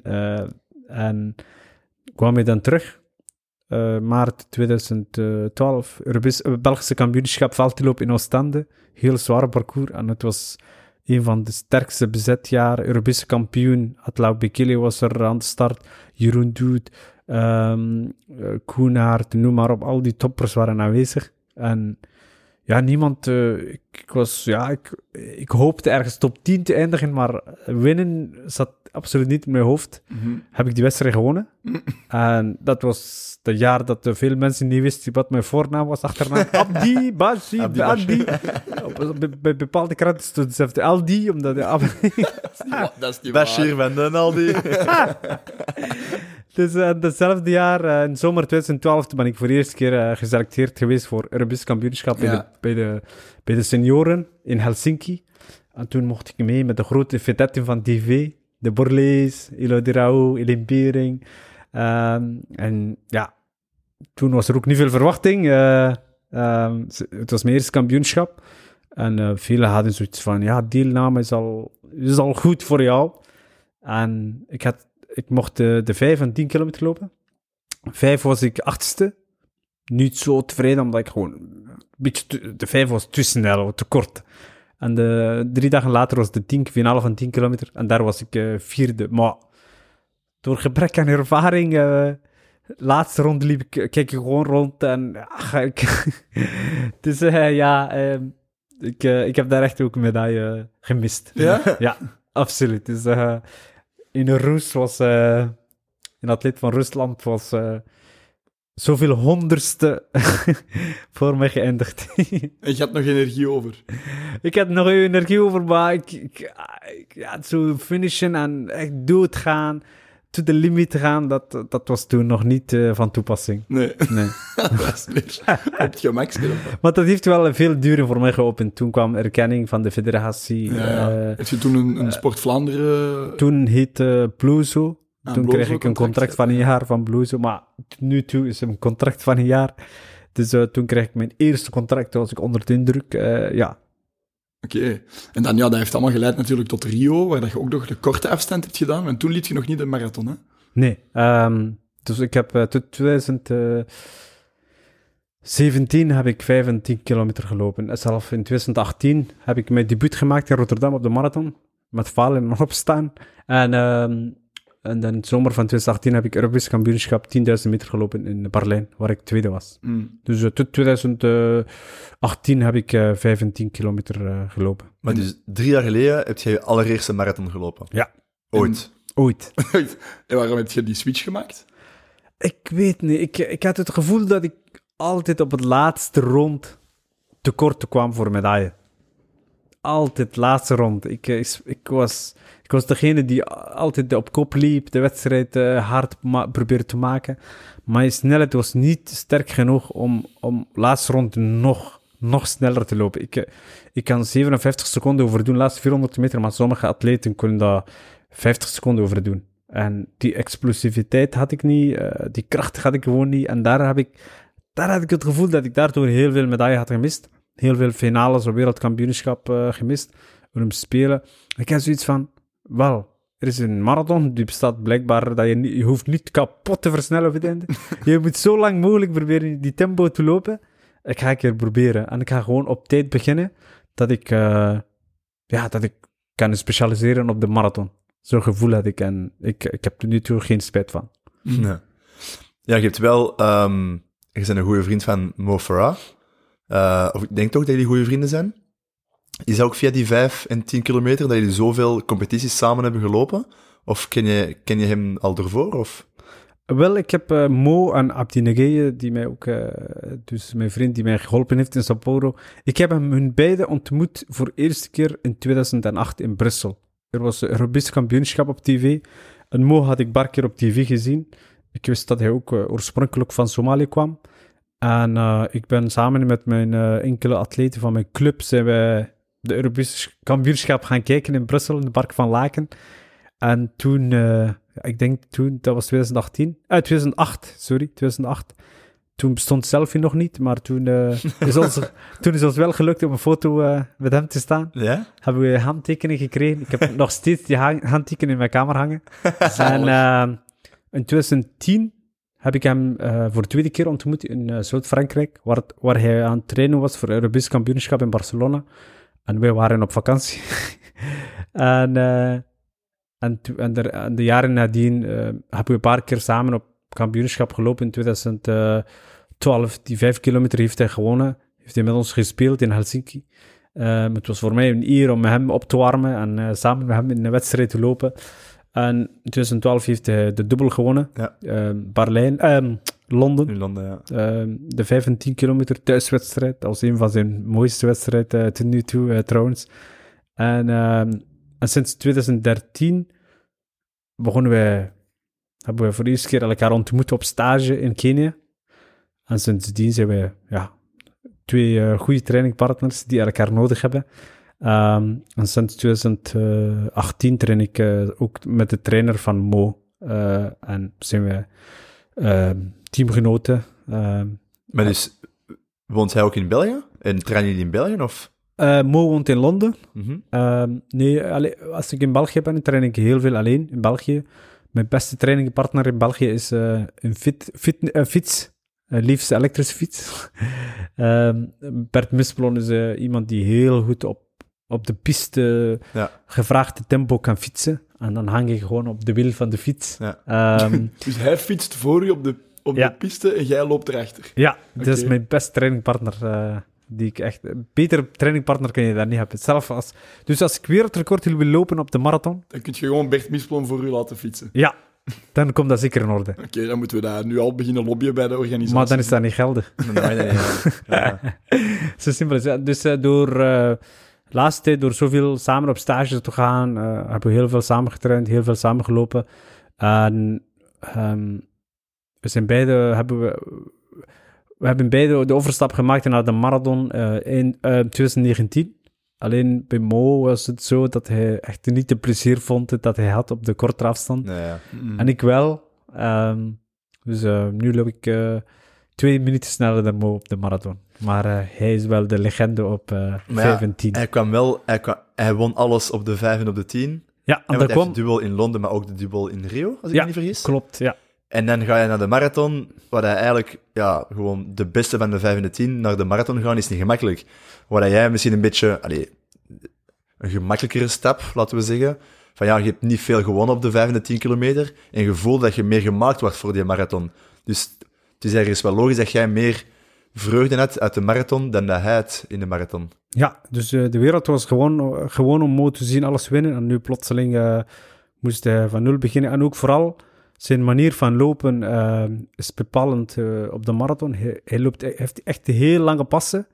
Ja, en een twee eh, t- 42 kilometer lang moet je niet lange passen hebben, moet je zo economisch mogelijk lopen. Mm. En eh, ik heb heel kortere passen. En dus dat, dat maakte wel op training ook. Hoe langer de training was, hoe beter dat ik was, hoe korter het was, hoe beter dat hij was. Ja. Ehm, dus het is, hij is gewoon echt gemaakt voor, eh voor kortere afstand.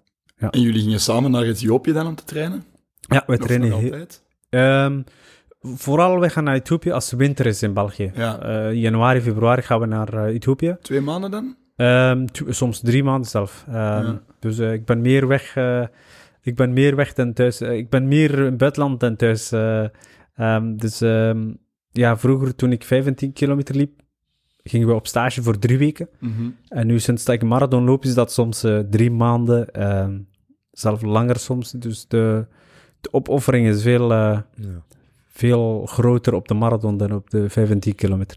Ja. En komt de familie dan soms mee? Of blijft die altijd in België? Ik, dus ze blijven altijd eh, in België. Het is, als- ja, mijn kinderen zijn nog te klein, dus eh, hebt Naar twee- Afrika twee komen. kinderen? En Ik een heb- derde onderweg. ja, ik heb eh, twee toffe kindjes eh, en de derde is onderweg. eh. Stel je voor nu één wel, één niet. ja, de derde was een, eh wie kerst, kerstmiskindje. Ja, klopt. Dus eh, nee, ehm, momenteel is het niet van toepassing om kindjes naar eh, Afrika te brengen. Ik heb al- ik, elke keer dat ik kom, eh, heb ik last met mijn maag en de eten is anders. Dus Mm. heel veel eh Geen frieten, geen frieten daar. Geen frietje daar, eh, geen... Is daar zwa- zijn het zwaardere omstandigheden om te trainen bijvoorbeeld dan hier? Of, of is het... Ja, zeker. De hoogte, vooral Ja. de hoogte. De reden waarom wij naar Ethiopië gaan is vooral de hoogte. Wij trainen op hoogte van 2700 meter. ah, ja. Dus de laatste staan lopen, alleen daartoe komen en wandelen, dan, dan, dan is al lastig. En eerste week is meestal aanpassingsweek. het wordt niet heel veel hard getraind. Vooral heel rustig duurlopen om ervoor te zorgen eh, om alles te wennen en om het lichaam op een rustige manier te laten, eh, zich laten aanpassen. En daarna begint te werken. Dus eh, ja, het is heel zwaar. eh, en ja, je hebt ook weinig comfort. eh, ehm, maar dat is ook de reden waarom dat wij we gaan bewust weg van comfortzone naar eh plekken waar we niet veel hebben. Soms is onze douche maar een koude emmer. Mhm. Dus eh, ja, ik weet niet of dat de mannen van de hockey wel dat zo aankunnen voor een Wij week. zijn allebei eh, op, op scoutscamp geweest, dus daar is het Oh, ook, eh, ja, ja, ja. Scoutskamp, oeh. Jij gekkerd. Ja, ja. Nee, maar ja, dat is ook, hè. Dan is ook Ja, ja, dat is ook inderdaad... eh, in een rivier springen, Survivor. Of, of zo met eh kou, kou water, hè. ja. Maar die, die drie maanden dat je dan traint op 2007 meter, is wel cruciaal voor het jaar. Dat is wel de, de voorbereiding voor het jaar. ja, daar wordt de basis gelegd. En daar wordt echt heel veel volumes getraind. Eh, niet zozeer eh, veel kwaliteit doen we niet die periode, maar vooral heel veel volumes, heel veel. Eh, het is ook een periode om eigenlijk heel veel slaap in te halen en heel veel te herstellen. En ja, dat is de periode dat je echt je basis legt. Mm. Ja, en dan later in het jaar, ehm, juni, juli, gaan we dan naar Zuid-Frankrijk of naar St. Maurice, eh, eh, Zwitserland. En daar trainen wij dan. Daar Weet doen we. dat? Sam, ah, Saint Maurice? Is dat, Sankt Moritz. Moritz? Ja. Is Ja. dat nog iets anders dan Saint Maurice? Of is dat, Is het zelf, denk is ik. dat hetzelfde? Ja. Ik denk dat Is dat in zelf. Frankrijk of is dat in, is Zwitserland, Saint Maurice? Ja. ik weet het zelf Ja. niet. Jij, bede- jij, jij denkt misschien aan Mauritius in... eh, Nee, nee, nee, nee, nee, helemaal niet. Nee, nee, Saint Maurice ligt nu ook gaan skiën en zo. Ja, ja. Ja, ja, Dat is in Zwitserland. Dat is waar de oké. Winter Olympische Spelen eh, geweest Ja. is. Ja. Ja. En waar, zijn jullie dan allemaal in Ethiopië samen in een huisje, of, of hoe moet ik dat zien? Eh, meestal huren we een gasthuis en hebben we eh, een, eh, een vrouw die voor ons kookt. Ehm, en kleren. Profiteur. Ja. maar ja, daar eh, zelf proberen te keuken, is, eh, daar, zou ik, eh, daar, ja, daar zou ik niet aan beginnen. Het is niet dat je zo die luxe keuken hebt, eh, dat alles zo snel gaat. het, is, de hele tijd... met, eh, Met zo'n ding. Ja. ja, ja, voor Dat- de vuur branden. Het, ja, ja, dan moet je echt zelf alles doen. Dus je moet ook heel hard kunnen plassen.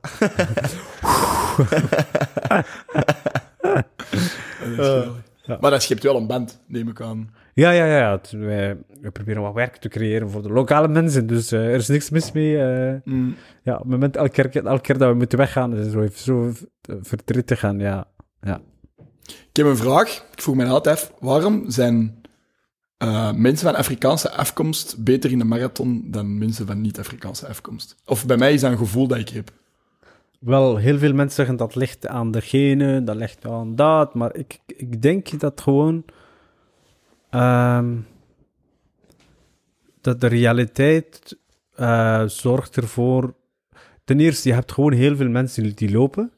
Ehm, zoals ik zei, Ethiopië en Kenia, dat is de eerste sport. Er is geen andere sport. Dus alle kinderen, de enige sport dat ze eh, van dromen om iets van te worden, is atletiek. Mm. Ehm, lopen vooral. Atletiek is eh, veel, maar vooral lopen.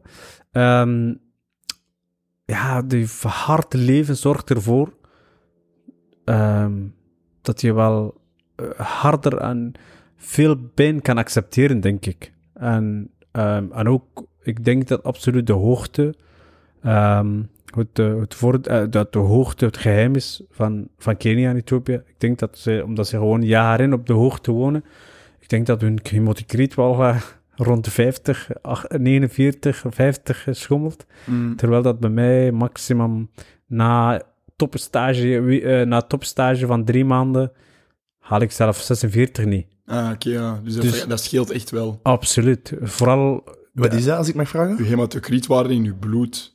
Dus wat houdt dat in?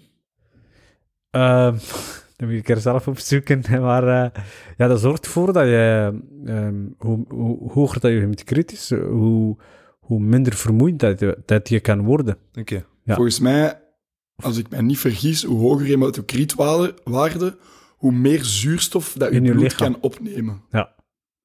Of ik weet het juist niet, maar dat, dat is... Die Ethiopiërs zijn altijd super hoog. En, eh, dus ik denk dat gewoon door oh, daar geboren te zijn, daar dag in dag uit te trainen, dat, en ook die hard leven. Dus je moet niet eh, beste zijn van je regio. Je moet, eh, je moet, ja, er zijn honderd atleten en er mogen maar de drie beste naar, eh, naar, naar Mm. kampioenschap. Dus ja, het is gewoon, eh, ze lopen iedere dag Olympische finale daar eh, op de bergen van, eh, op de hoogte van 2700 meter. Dus. Ja. En ook, dat is niet zoals bij ons, dat je de tweede optie hebt. Dat je zegt van, ah ja, als het niet lukt, dan ga ik wel lekker gaan werken, lekker gaan studeren. Ja. Dus voor sommige mensen is dat only option they have. De enige optie dat ze hebben. Is het leven daar heel hard? Dat is heel hard, ja. Ja. Ja? Dus je daar dingen gezien waarvan je denkt... pff, nu is echt eh, heel hard. Jouw familie zijn degenen die jou eh, ehm, steunen. Ehm, heel hard steunen. En op het moment dat je baalt en je doelen niet behaalt, het is heel- ja, ze, ze hebben een heel, slat, eh, ze hebben een heel schuldige gevoel, omdat de hele familie mee geïnvesteerd heeft om iets te bereiken. Ja. Ehm, op het moment dat het niet lukt, is, ja, ben je eigenlijk een soort een mislukking. eh, voor, niet alleen voor jezelf, maar zo, zo, zo al je familie zie je zo. Dus eh, ah, ik zou niet eh, in Ethiopië eh, de drie beste willen eh, worden. Dus dat is heel hard, ja. Je hebt gewoon niet drie eh, Bashir, maar je hebt daar gewoon honderd Bashir die met tijd kunnen lopen, maar die gewoon de kansen niet krijgen om dat te laten Echt? zien. Ja, absoluut. Alleen de beste, de beste die voor de federatie lopen en eh, managers hebben, eh, hebben de mogelijkheid om naar, naar Europa te komen, naar België te komen en wedstrijden te lopen. Dus de Mhm. anderen trainen maar gewoon daar.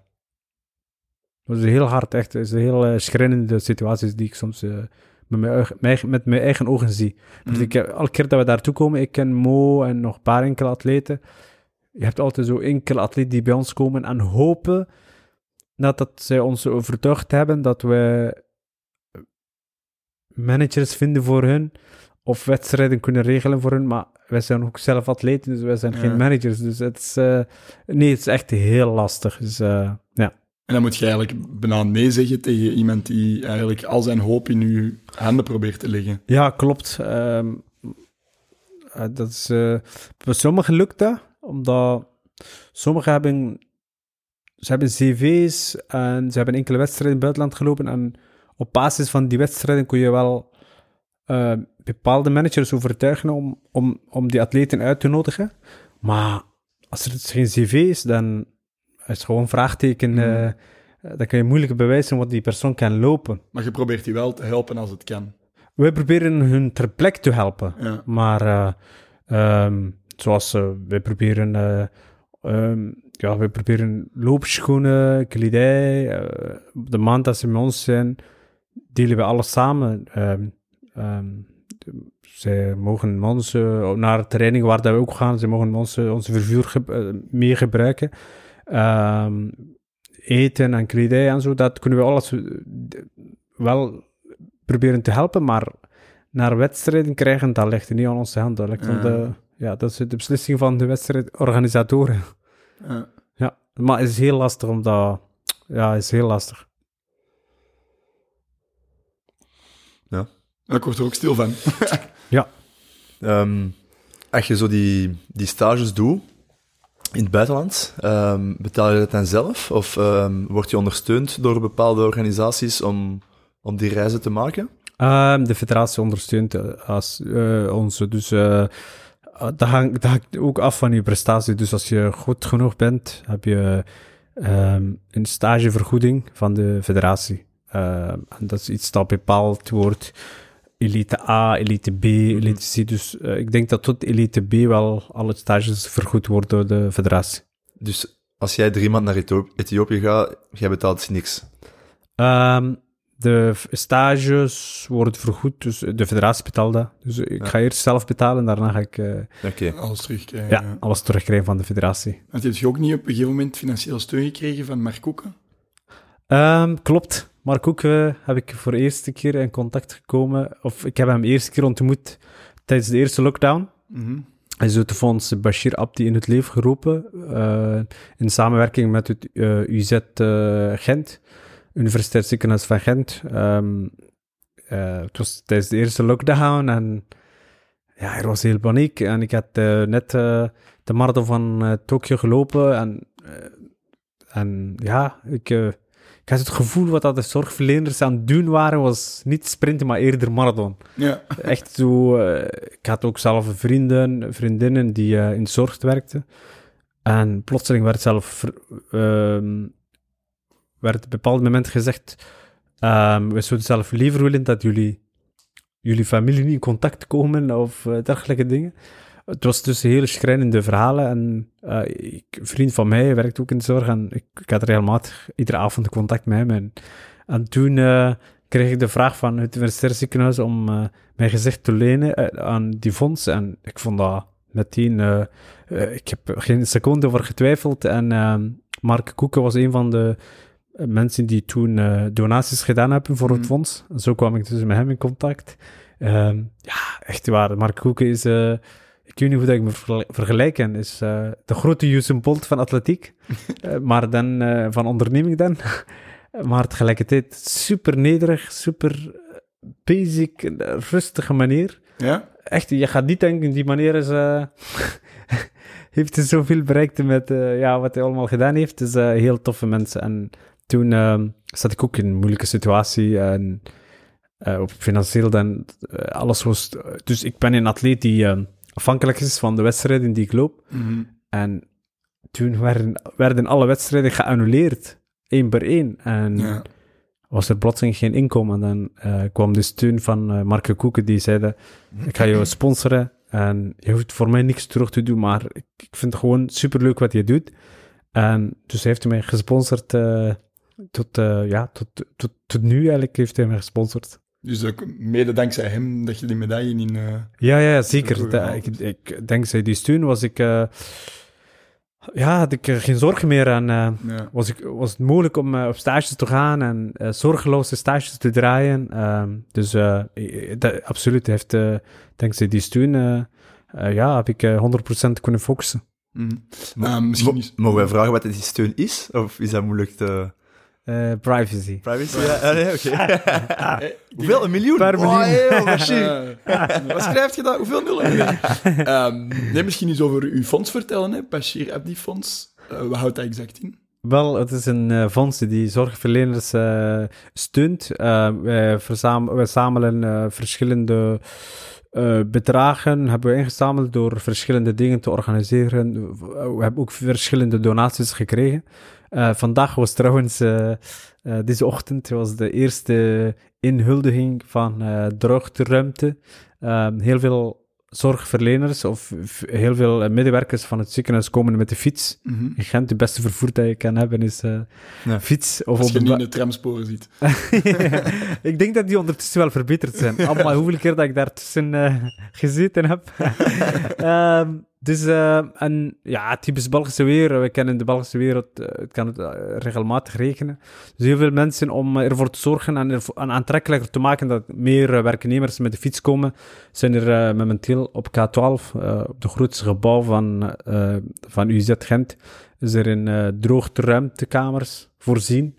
Mensen hangen hun nette kledij daar en tussen de shift droogt die zelf. Ja. Ehm, dus super. En, en na hun shift kunnen ze gewoon met droog kledij terug eh, op pad met, eh, met de fiets. ja. En dat is de, nu, dit is het eerste resultaat, maar er volgen nog eh ehm, eh, wandelver, win- wandelvergaderpad die tussen de campus loopt. ja. Om eigenlijk een bewegende vergadering te kunnen Ja, doen. ja, oké. Ja, en tussen, tussendoor is onderweg kunnen ze ook iets opladen. Onderweg is er ook bankjes om te zitten. Dat is de volgende stap. Oké. Ehm, ja, dus, eh, dit, ik, ik, heb, ik vind het super leuk om. Ik kan er altijd iets over hebben, maar er moet resultaat zijn. En dit Ja. is het eerste resultaat. En vanmorgen was eh, Dus dat is wel leuk. absoluut, ja. En ehm, waar kunnen mensen meer info erover zoeken? Of waar kunnen mensen doneren, bijvoorbeeld? Of... Op de website van, eh, van UZ Gent, eh, als je daar op de zoek, zoek eh, Bashir of het fonds eh, opschrijft, kom je in een aparte pagina. Dus eh, op de website van, eh, van het ziekenhuis zelf. Ja. Oké, nou, ik zou zeggen, aan de luisteraars die willen doneren. Ja, zeker. Dat noemt ook gewoon Bashir Abdi Fonds, hè? Ja, Ah, voilà. oké. En dan, ehm je had iets gezegd van het VZ2 Sport Around. Ja, dat is ook iets, hè? Dat is ook iets dat je doet, hè? VCW Sport Around, ja. Ja, klopt. Dus naast veel trainen ehm, heb ik ook een eh VZ2 eh sportaround die op die we drie jaar, eh, die we zes jaar geleden eh, gestart hebben. Ehm, wat we doen is, eh, wij voorzien sportmogelijkheden voor de kinderen die de mogelijkheden niet hebben. Mm. Ehm, het idee is eigenlijk ontstaan in Ethiopië ehm, in 2012. Eh, samen met Bert Misploon eh, rondgereisd en heel veel kindjes gezien die niet naar school ging. ehm, die de hele dag zo gewoon stond te vervelen. En toen hebben we elkaar gezegd, de volgende keer dat we terugkomen hier, gaan we iets meebrengen van België. We dachten van, ja, zo schoolgreef of zo, enkele ballen om te voetballen of zo, zo dachten we. En eh, kwamen we terug, werd ik Belgische kampioen. En toen eh, begonnen we enkele evenementen te organiseren. Somalis, ik denk dat onze eerste evenement was Somalische avond in Gent.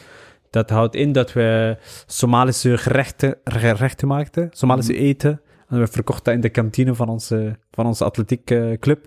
Ja, vrijdag na, na trainen, alles smaakt goed, hè. Dus eh, Alles gaat binnen. ik weet niet of dat goed genoeg was, maar alles was uitverkocht. Voilà. En eh, onze tweede activiteit was eh ehm, voetbaltoernooi voor atletiekclubs. Dat, Ja, ja. dat hoor je ook niet iedere dag. Nee. Eh, dus de Dat atletiek... was niet meer veel passen, dat was vooral met lopen met de bal. Dus, dus eh, ja, we organiseren dat. Ja, dat is een van onze grootste evenementen eh, ehm, eh, jaarlijks. eh, 1 september. Dit jaar is het niet doorgegaan, vorig jaar ook niet.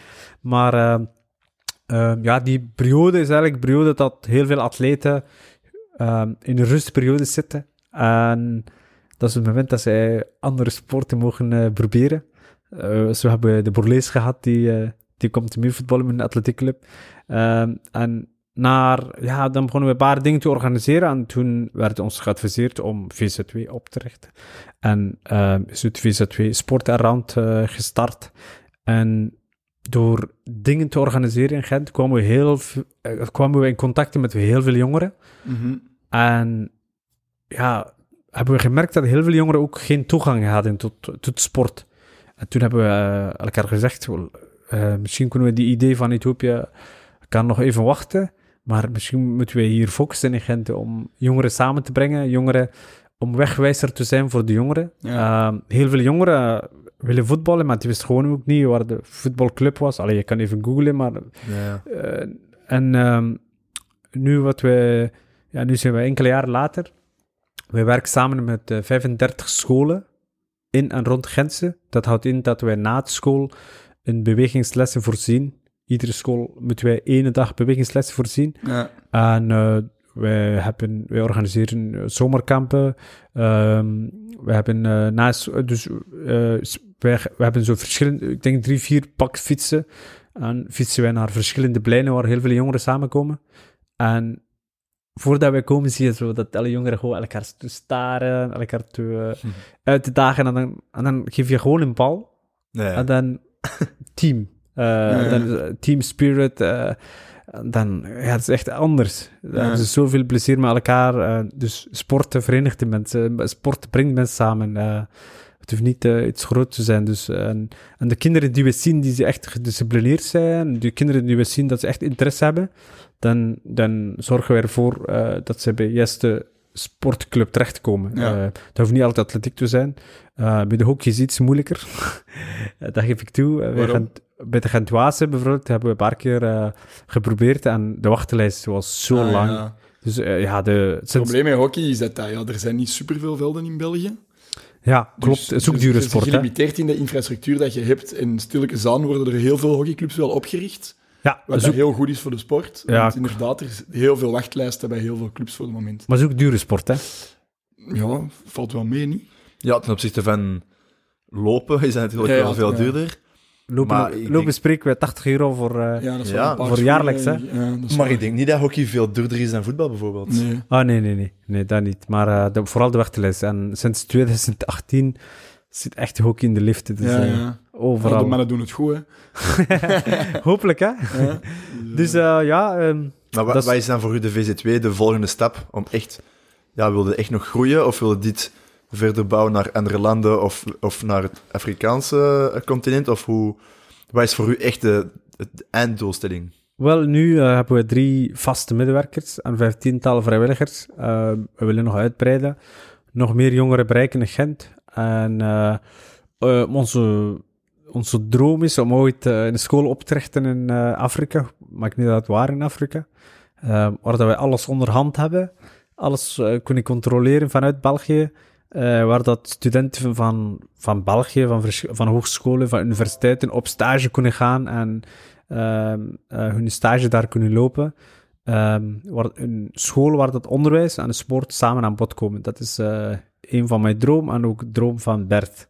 Dat, dat hopen we wel ooit te realiseren, maar het is niet voor nu. Wij zijn aan het sparen voor, eh, Ja, ja, ja. voor die doel.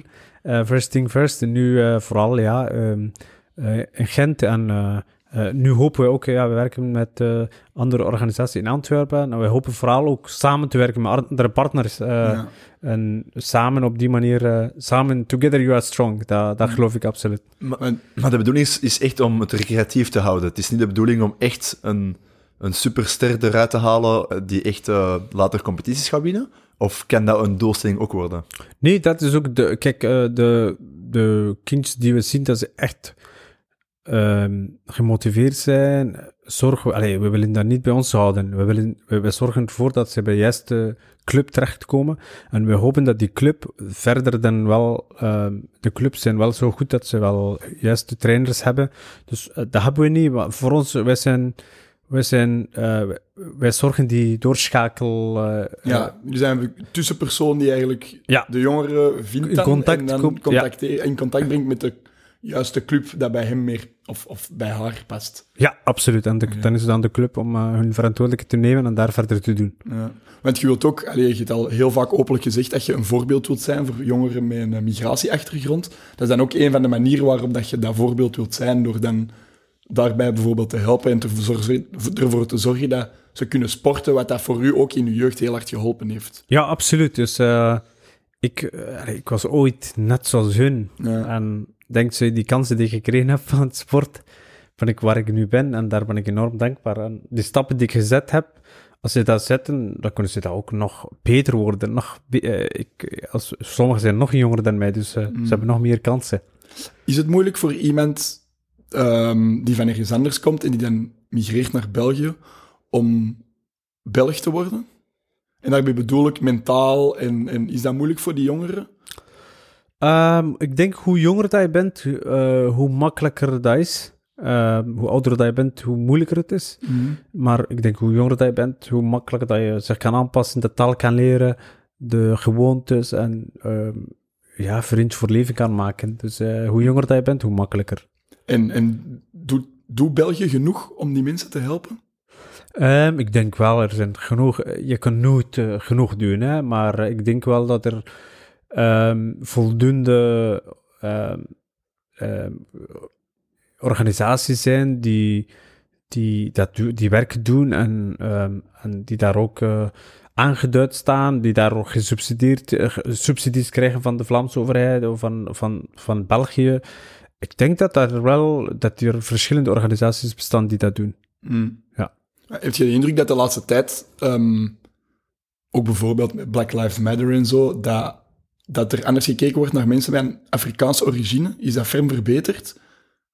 Ehm, nee, ik, in tegendeel. Ik heb het gevoel dat dat niet veel geholpen heeft. Eh? Het was een tijd dat zo hele media een voorbeeld nam. eh, bijvoorbeeld bij BBC, bijvoorbeeld, eh, om een voorbeeld te nemen. zo ehm, de nieuws... eh, de mensen die... eh, de nieuwsankers waren plotseling allemaal zwart en, en dan... eh, ik had zoiets van... Allee, en dan plotseling was het allemaal verdwijnen. Ja. Ehm, dus ik, heb, ik heb het gevoel dat dat niet veel geholpen heeft. Dus je ziet het eigenlijk meer als een hype, het was... waar daar zo op gesurfd werd, en niet als iets dat eigenlijk impact heeft gehad. Het was een hype die nodig was, Ja. maar het heeft niet veel veranderd. Oké. Zo'n gevoel heb ik. Ja, wordt je, is dat iets, want ja wij, kunnen dat, ja, wij kunnen dat niet weten, maar is dat iets dat...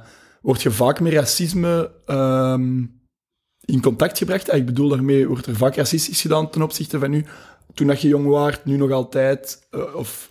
Maar ik denk, eh, in ieder land, in iedere samenleving, heb je altijd eh, goede mensen en slechte mensen. En ik denk, hoe, hoe, meer dat je, hoe meer dat ik presteer, persoonlijk ik, hoe meer dat ik presteer, hoe meer dat ik die rode appelen soms bereik. Ehm, ehm, Echt? Je, er is nu vaker dat er mensen tegen u dingen zeggen? ik weet je- nog dat ik eh, in 2018 eh, ik heb altijd gezegd, voor mijn nieuw land wil ik een, eh, als dank wat ze allemaal gedaan hebben voor mij, wil ik een medaille winnen. Mhm. Wil, ik, wil, ik, wil ik een medaille behalen op een internationaal kampioenschap.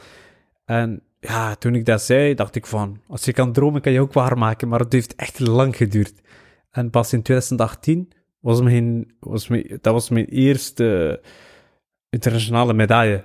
En toen, ja, toen was ik in de wolken. En heel veel mensen die ook mij weg wisten, eh, eh, waren ook heel tevreden van mijn prestatie. En, maar de meerderheid was absoluut... eh, ja, vond het superleuk wat ik gedaan heb. Maar ja, dan dat je altijd mensen die zeggen van... Ja, die Belgische kleur past toch niet bij die zwarte kleur. En eh, zo reacties eh, zie ik baseren. Maar eh, ja, ik, ik, ben, ik ben iemand die... als er een advies, als er een advies is die ik ooit iemand zal geven, is... ehm, focus in de goede en niet de slechte. De, de positieve is altijd Ja. meer dan de negatieve. Dus, dus ik zie dat passeren, maar als ik mij daar... ja, ik, ik bedoel... Dus maar eh, ik moet toegeven, inderdaad... eh, eh, hoe meer ik presteer, dat ik, hoe meer dat ik soms in, allee, die reacties zie passeren. Ja. Ja. Ik begrijp dat niet, maar allee, nu, ik vind het toch zot dat je dan... Allee, Ja, dat is is- Maar Langs de ene kant zou ik zeggen, van omdat je zo, zoveel succes hebt gehaald, dat je, dat je misschien, dat de mensen u gaan aanbieden in plaats van racistisch gaan doen ten opzichte van u. Eh, langs de andere kant, inderdaad, je bent wel meer in de media, dus de mensen zijn er wel meer mee bezig ook. Ehm, als je kijkt naar uw familie bijvoorbeeld, hebben zij minder of meer ervaring met dat ten opzichte van jaren geleden door your fame? Of is dat moeilijk te zeggen? Eh, moeilijk te zeggen. Eh, dat moet ik aan mijn familie vragen. Maar ik zeg gewoon wat ik persoonlijk meegemaakt heb. Maar Ja. dat moet ik dan zeker mijn familie gaan vragen. Maar- maar ik heb nooit, alleen, ik heb nooit iets gemerkt. Of moest het zo erg zijn, zou ik zeker gemerkt hebben. Maar eh, ik denk niet dat het zo van toepassing is. Maar ik denk ook wel dat je, je ehm, als je bijvoorbeeld dingen presteert zoals dat jij nu presteert, je 95% van de mensen reageert niet.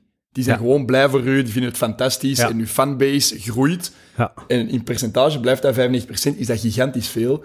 Maar die 2% rotte appels daar en de 2% dat u waanzinnig fantastisch al uw foto's liken en bla bla bla, dat groeit ook. Maar spijtig genoeg groeien die grote appels, dat percentage groeit, beweegt niet, maar in absolute aantallen groeit dat wel een beetje. En dan daarom dat je misschien dat dan tegenkomt.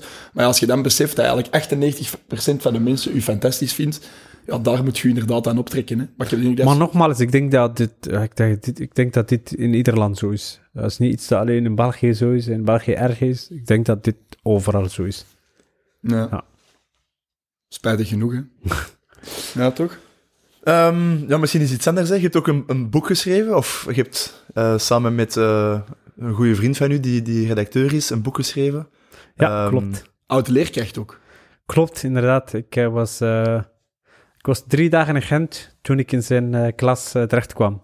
Ehm onthaal voor andertalige nieuwkomers, wat hij de Nederlands taal leert. Ehm, en beter... eh, ik, ik weet niet hoe het komt, maar ik heb, ik heb zoveel beters in mijn leven gekru- doorgekruist. Eh, Peter Roppens is mijn voortrainer. Peter Vervaat is de schrijver van het boek. Dus ik heb eh, iets met de beters. En wie was de, wie was de Peter Peters van allemaal? Goeie vraag. eh. en ehm, dus Pieter, eh, ja, ehm, was zelf heel jong toen ik eh, in zijn klas terecht kwam. Ik denk dat hij net afgestudeerd was. Ehm, het was zijn eerste, eerste job. en eh, hij was nog jong. Ik denk dat hij 23 jaar oud was. En tijdens de middagpauze ehm, was hij altijd zo met ons aan het voetballen. En de andere, andere leerkrachten vonden hem leuk. ik denk dat een van de redenen is waarom dat hij later eh, ontslaan was van die school. Omdat hij altijd zo tussen de leerlingen was. En ze zeiden tegen hem, ja, er moet wel een verschil zijn tussen leerlingen en leerkrachten. En de houding is daar wel... eh. en ehm, ik heb in zijn klas zes maanden gezeten om Nederlands taal te leren. En dan ben ik veranderd van school. eh, omdat die school eigenlijk alleen ook aan was om echt de taal te leren. Mm. En ehm dat, dan ben ik veranderd van school en beter... eh, ja, Pieter eh, bleef wel in contact houden met ons af en toe, met mijn moeder, met mijn oudere broer. Die bleef maar contact houden. En enkele jaar later, die, die ook zelf toevallig, eh, eh, toen ik begon met atletiek, eh, kwam ik meer in contact met hem, omdat dat hij ook zelf liep. En ook zijn zoon zat bij Atletiek Club, niet in Gent, maar in Lokeren. En ehm, ja, die, die heeft, me alles op zeilen gevolgd. En, en, en ja, enkele jaar, vorig jaar, begin vorig jaar, kwamen enkele auteurs mij langs en vroegen mij, wij gaan een verhaal over jou schrijven. Mm. En ik denk dat zelf drie waren. eh, echt drie eh, gekende schrijvers. En Peter eh, zei van, ja, ik zou ook eigenlijk heel graag je verhaal... eh, ehm, eh, toen dacht ik van, oh, Peter, die, die weet gewoon meer dan die drie anderen. Ze mogen meer ervaring hebben, maar hij heeft zelf deel meegemaakt. Dus vandaar daarom ik besloten heb om hem te laten doen. En heel veel mensen weten mij vooral van mijn sportprestaties, maar heel veel mensen weten niet de weg van Somalië naar, eh, naar Gent. Ja. En met dit open boek wil ik daar eh, verandering brengen. Dus Ja. op de loop.be vind je alle informatie. Daar kunnen mensen ook trouwens bestellen. En is ook, en is ook te koop op alle sportwinkels, op alle hard, eh, eh, atletiekwinkels. Ja, ja, ja. Op, op de loop, dat is de titel ook van het boek, hè? Ja. Op de loop. ja, op de loop.be. Is er fier over het boek, over de uitkomst? Ja, ja, ik ben heel fier op. Eh, het is uitgekomen ehm, eh 8 juni. En de eerste druk was eh 1008 boeken, met 10 uitverkocht. En dan de tweede druk wat hebben we iets meer gedaan, 1020 boeken, ook met 10 uitverkocht.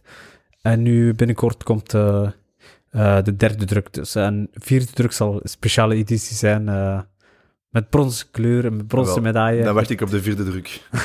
Oh, dat moest ik misschien niet gezegd hebben. Nu gaat niemand voor je verder bestellen. Maar nee, die eerste drie drukken moeten eerst uitverkopen voordat de vierde druk komt. hè. Dat is de voorwaarde.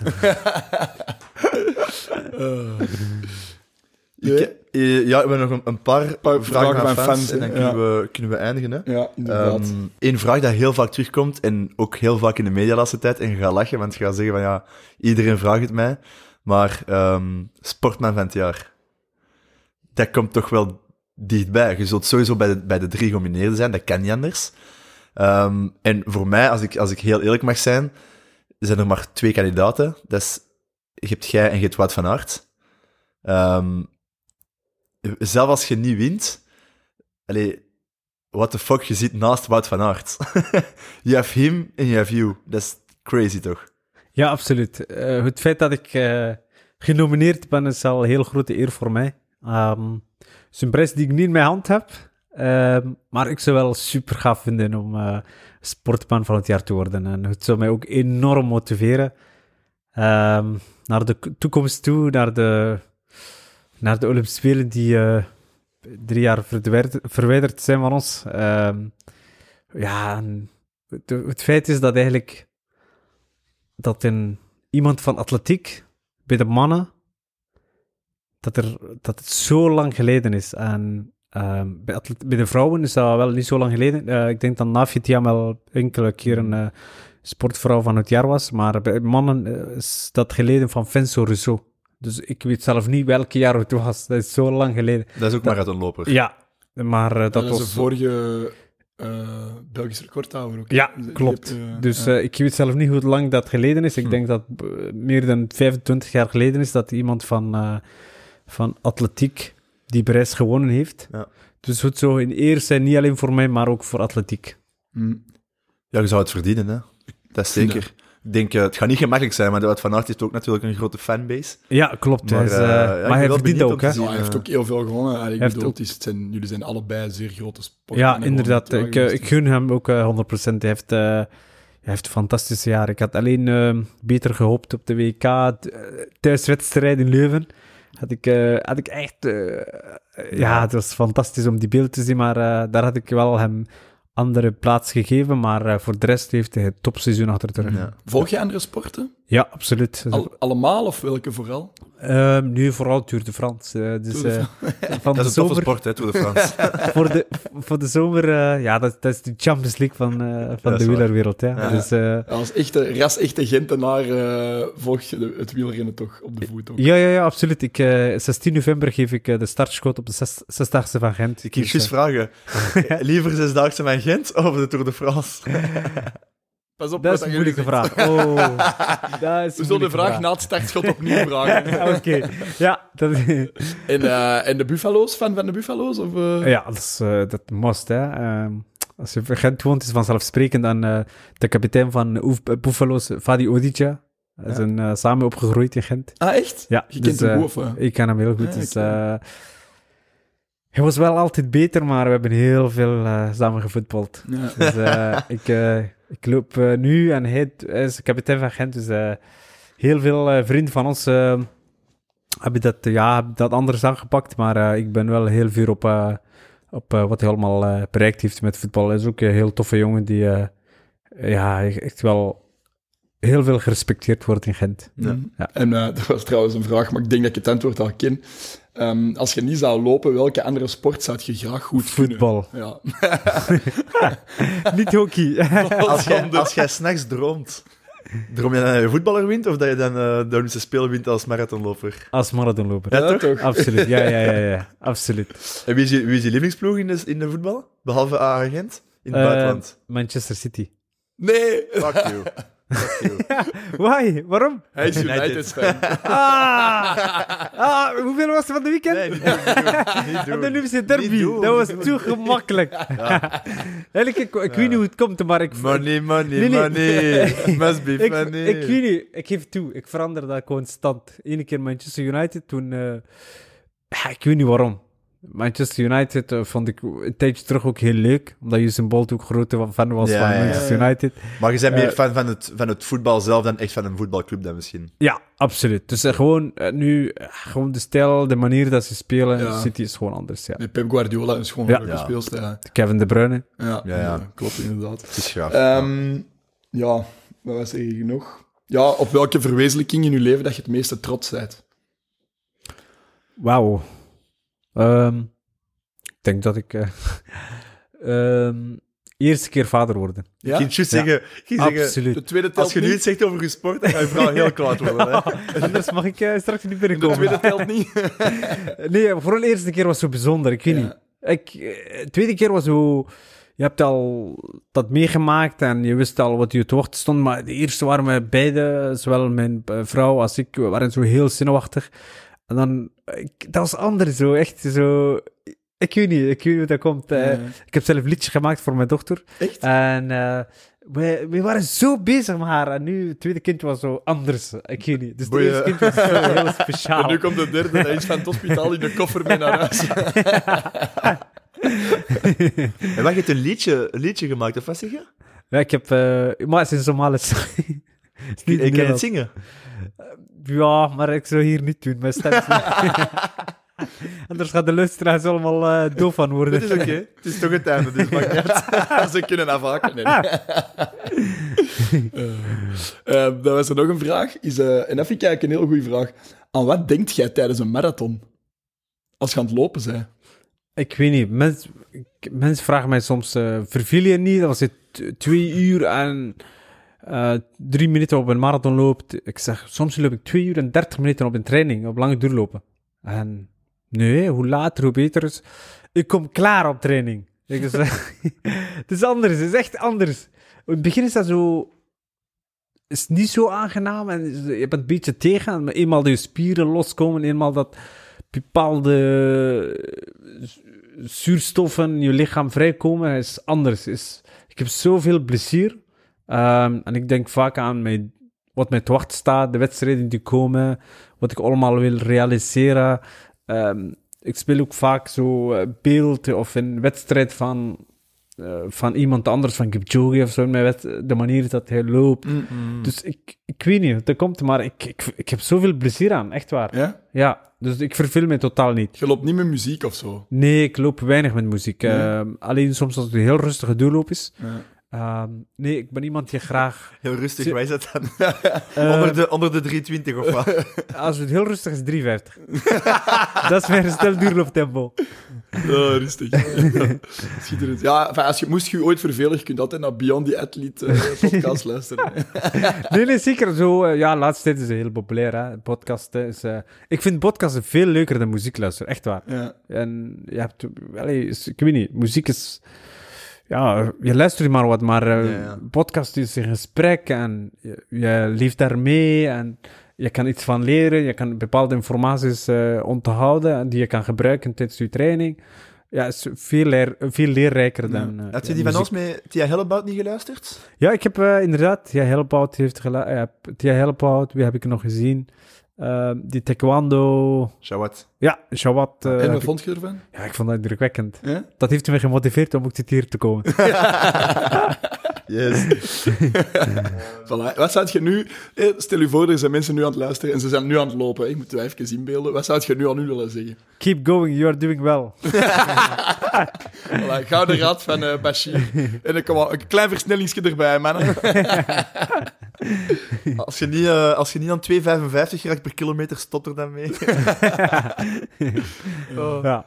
Dat is wel waanzin. hè. Ik denk Nee, dat ieder zijn niveau. Zolang dat je plezier hebt, dat, daar gaat het om. ehm. Ja, ja. ja, dus zolang dat je plezier hebt, dan ben je goed bezig. Ja, maar mensen, mensen bijvoorbeeld tijdens eh, corona zijn heel veel mensen beginnen lopen. Ehm, heel veel mensen posten ook op Strava. En dat was een beetje- een beetje een hype om te kijken van wie loopt er hoe snel, op hoeveel kilometer. En het is altijd grappig om te zien dat de mensen toch wel gefocust zijn op hun tijd. En als je onder de vijf minuten, hè, dat was, is toch net iets mooier dan net boven die vijf. Of onder de vier is dat mooier dan... Hè, dat is, die cijfers zijn wel belangrijk voor de mensen. En misschien niet voor u, maar voor hun is dat enorm belangrijk om... Ja, niet voor, het, voor hun status, maar gewoon voor hun eigen, om, om goed te voelen. Ja, inderdaad, dat, dat merk ik meer en meer. En, eh, ik heb geen strafrecorden. Heel veel mensen vragen mij van, en wat is uw, welke recorden heb je allemaal in je wijk eh, dat je woont? Eh, die segmenten, pleintjes dat je loopt. Waarschijnlijk heb ik, al- heb ik al die recorden, maar die, die staan gewoon niet op Strava. Dus, eh, Jij loopt ehm, ook niet meer Strava. Nee, weinig, weinig. Nee, ik, eh, ik weet nog, toen ik, eh, toen ik bij Global zat in management in Nederland, toen eh, deden wij tijdens de corona ook enkele eh, virtuele wedstrijden. Ja. Eh, en toen hebben zij een account aangemaakt, maar dat is niet van mij, dat is van die management, voor alle duidelijkheid. Ehm, nee, ik, ja, ik, just be yourself en eh, iedereen Ja. is anders.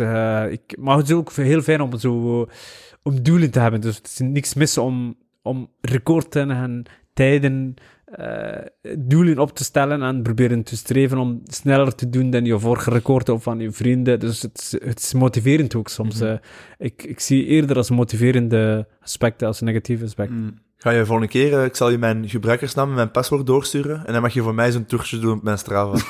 Dan word je populair, hè? Dat denk ik zou zo graag populair willen worden. Wow, vandaag heb je hard gelopen. Anders dan de andere dagen. Ik heb een goede dag. Happy day. Oh, je. er is ja. nog ook één vraag van een fan. eh, misschien de laatste dan, hè. Ja. Eh, wat dat de grootste fout is dat je volgens jou kan maken tijdens het lopen van een marathon? Eh, onnodig versnellen. Dus het is heel belangrijk dat je zo zuinig mogelijk je juiste tempo loopt. En eh, het is onnodig om te panikeren en te versnellen, ehm, omdat er eh, iets gebeurt en eh, bijvoorbeeld door een val of je mist jouw drank. En daardoor denk je dat je een paar seconden vertraagd bent en ga je kapot versnellen. Doe dat niet. Het, gaat jou, het gaat jou heel veel energie kosten. Ehm, en op die manier kom je ook eh, heel veel sneller dan verwacht de man met de hamer tegen. Dus vooral rustig blijven en je eigen tempo zo zuinig mogelijk lopen. Ja, oké. Ik heb nog een laatste vraag, sorry. Hoeveel eet jij tijdens een marathon? Ik eet niks tijdens een marathon. Niks. En drink je? Tijdens een marathon drink ik heel veel. Dus om de, om de 5 kilometer eh, drink ik. Onder 5 kilometer staat eh, dus op 5 kilometer, op 10 kilometer, op 15 kilometer. en Doe maar verder. Onder 5 kilometer drinken we eh, water. Ehm, niet water, sportdrank.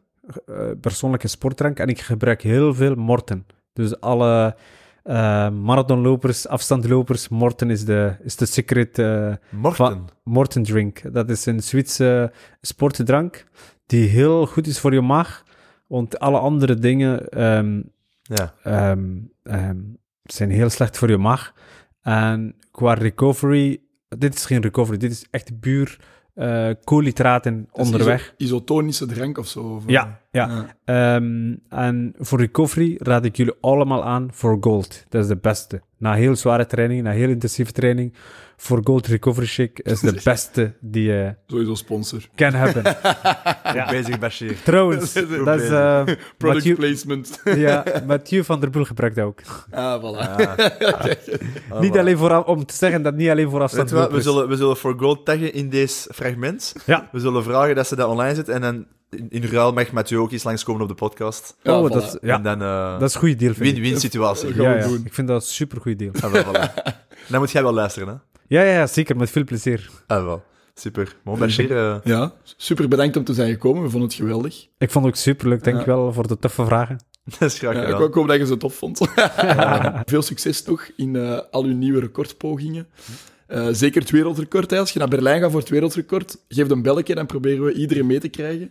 Ja, na de wereldkort kom, kom ik terug. Jawel. Eh, ah, ah, da- laten we dat afspreken. Na het wereldrecord komt je terug. En ehm, ja, veel succes met je derde kind hè, die eraan komt. Ja, inderdaad. Dankjewel. Ja, dus, eh, het grootste geluk zeggen ze altijd. Hè. Dus, eh, Ja. voilà.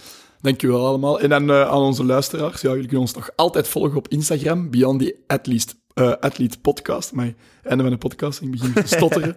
Begin nog eens, ik zal knippen. Doe nog eens. Beyond the Athlete Podcast op Instagram. Eh, ik zou zeggen, ja, like, share eh, en deel het vooral met jullie vrienden. Want mond-tot-mond reclame is eigenlijk altijd de belangrijkste. Voilà, we zijn heel blij met alle respons die we tegenwoordig krijgen. Er meer en meer mensen beginnen toch te volgen. Dus Ja. dat is goed. En dan horen we jullie bij de volgende. Dankjewel.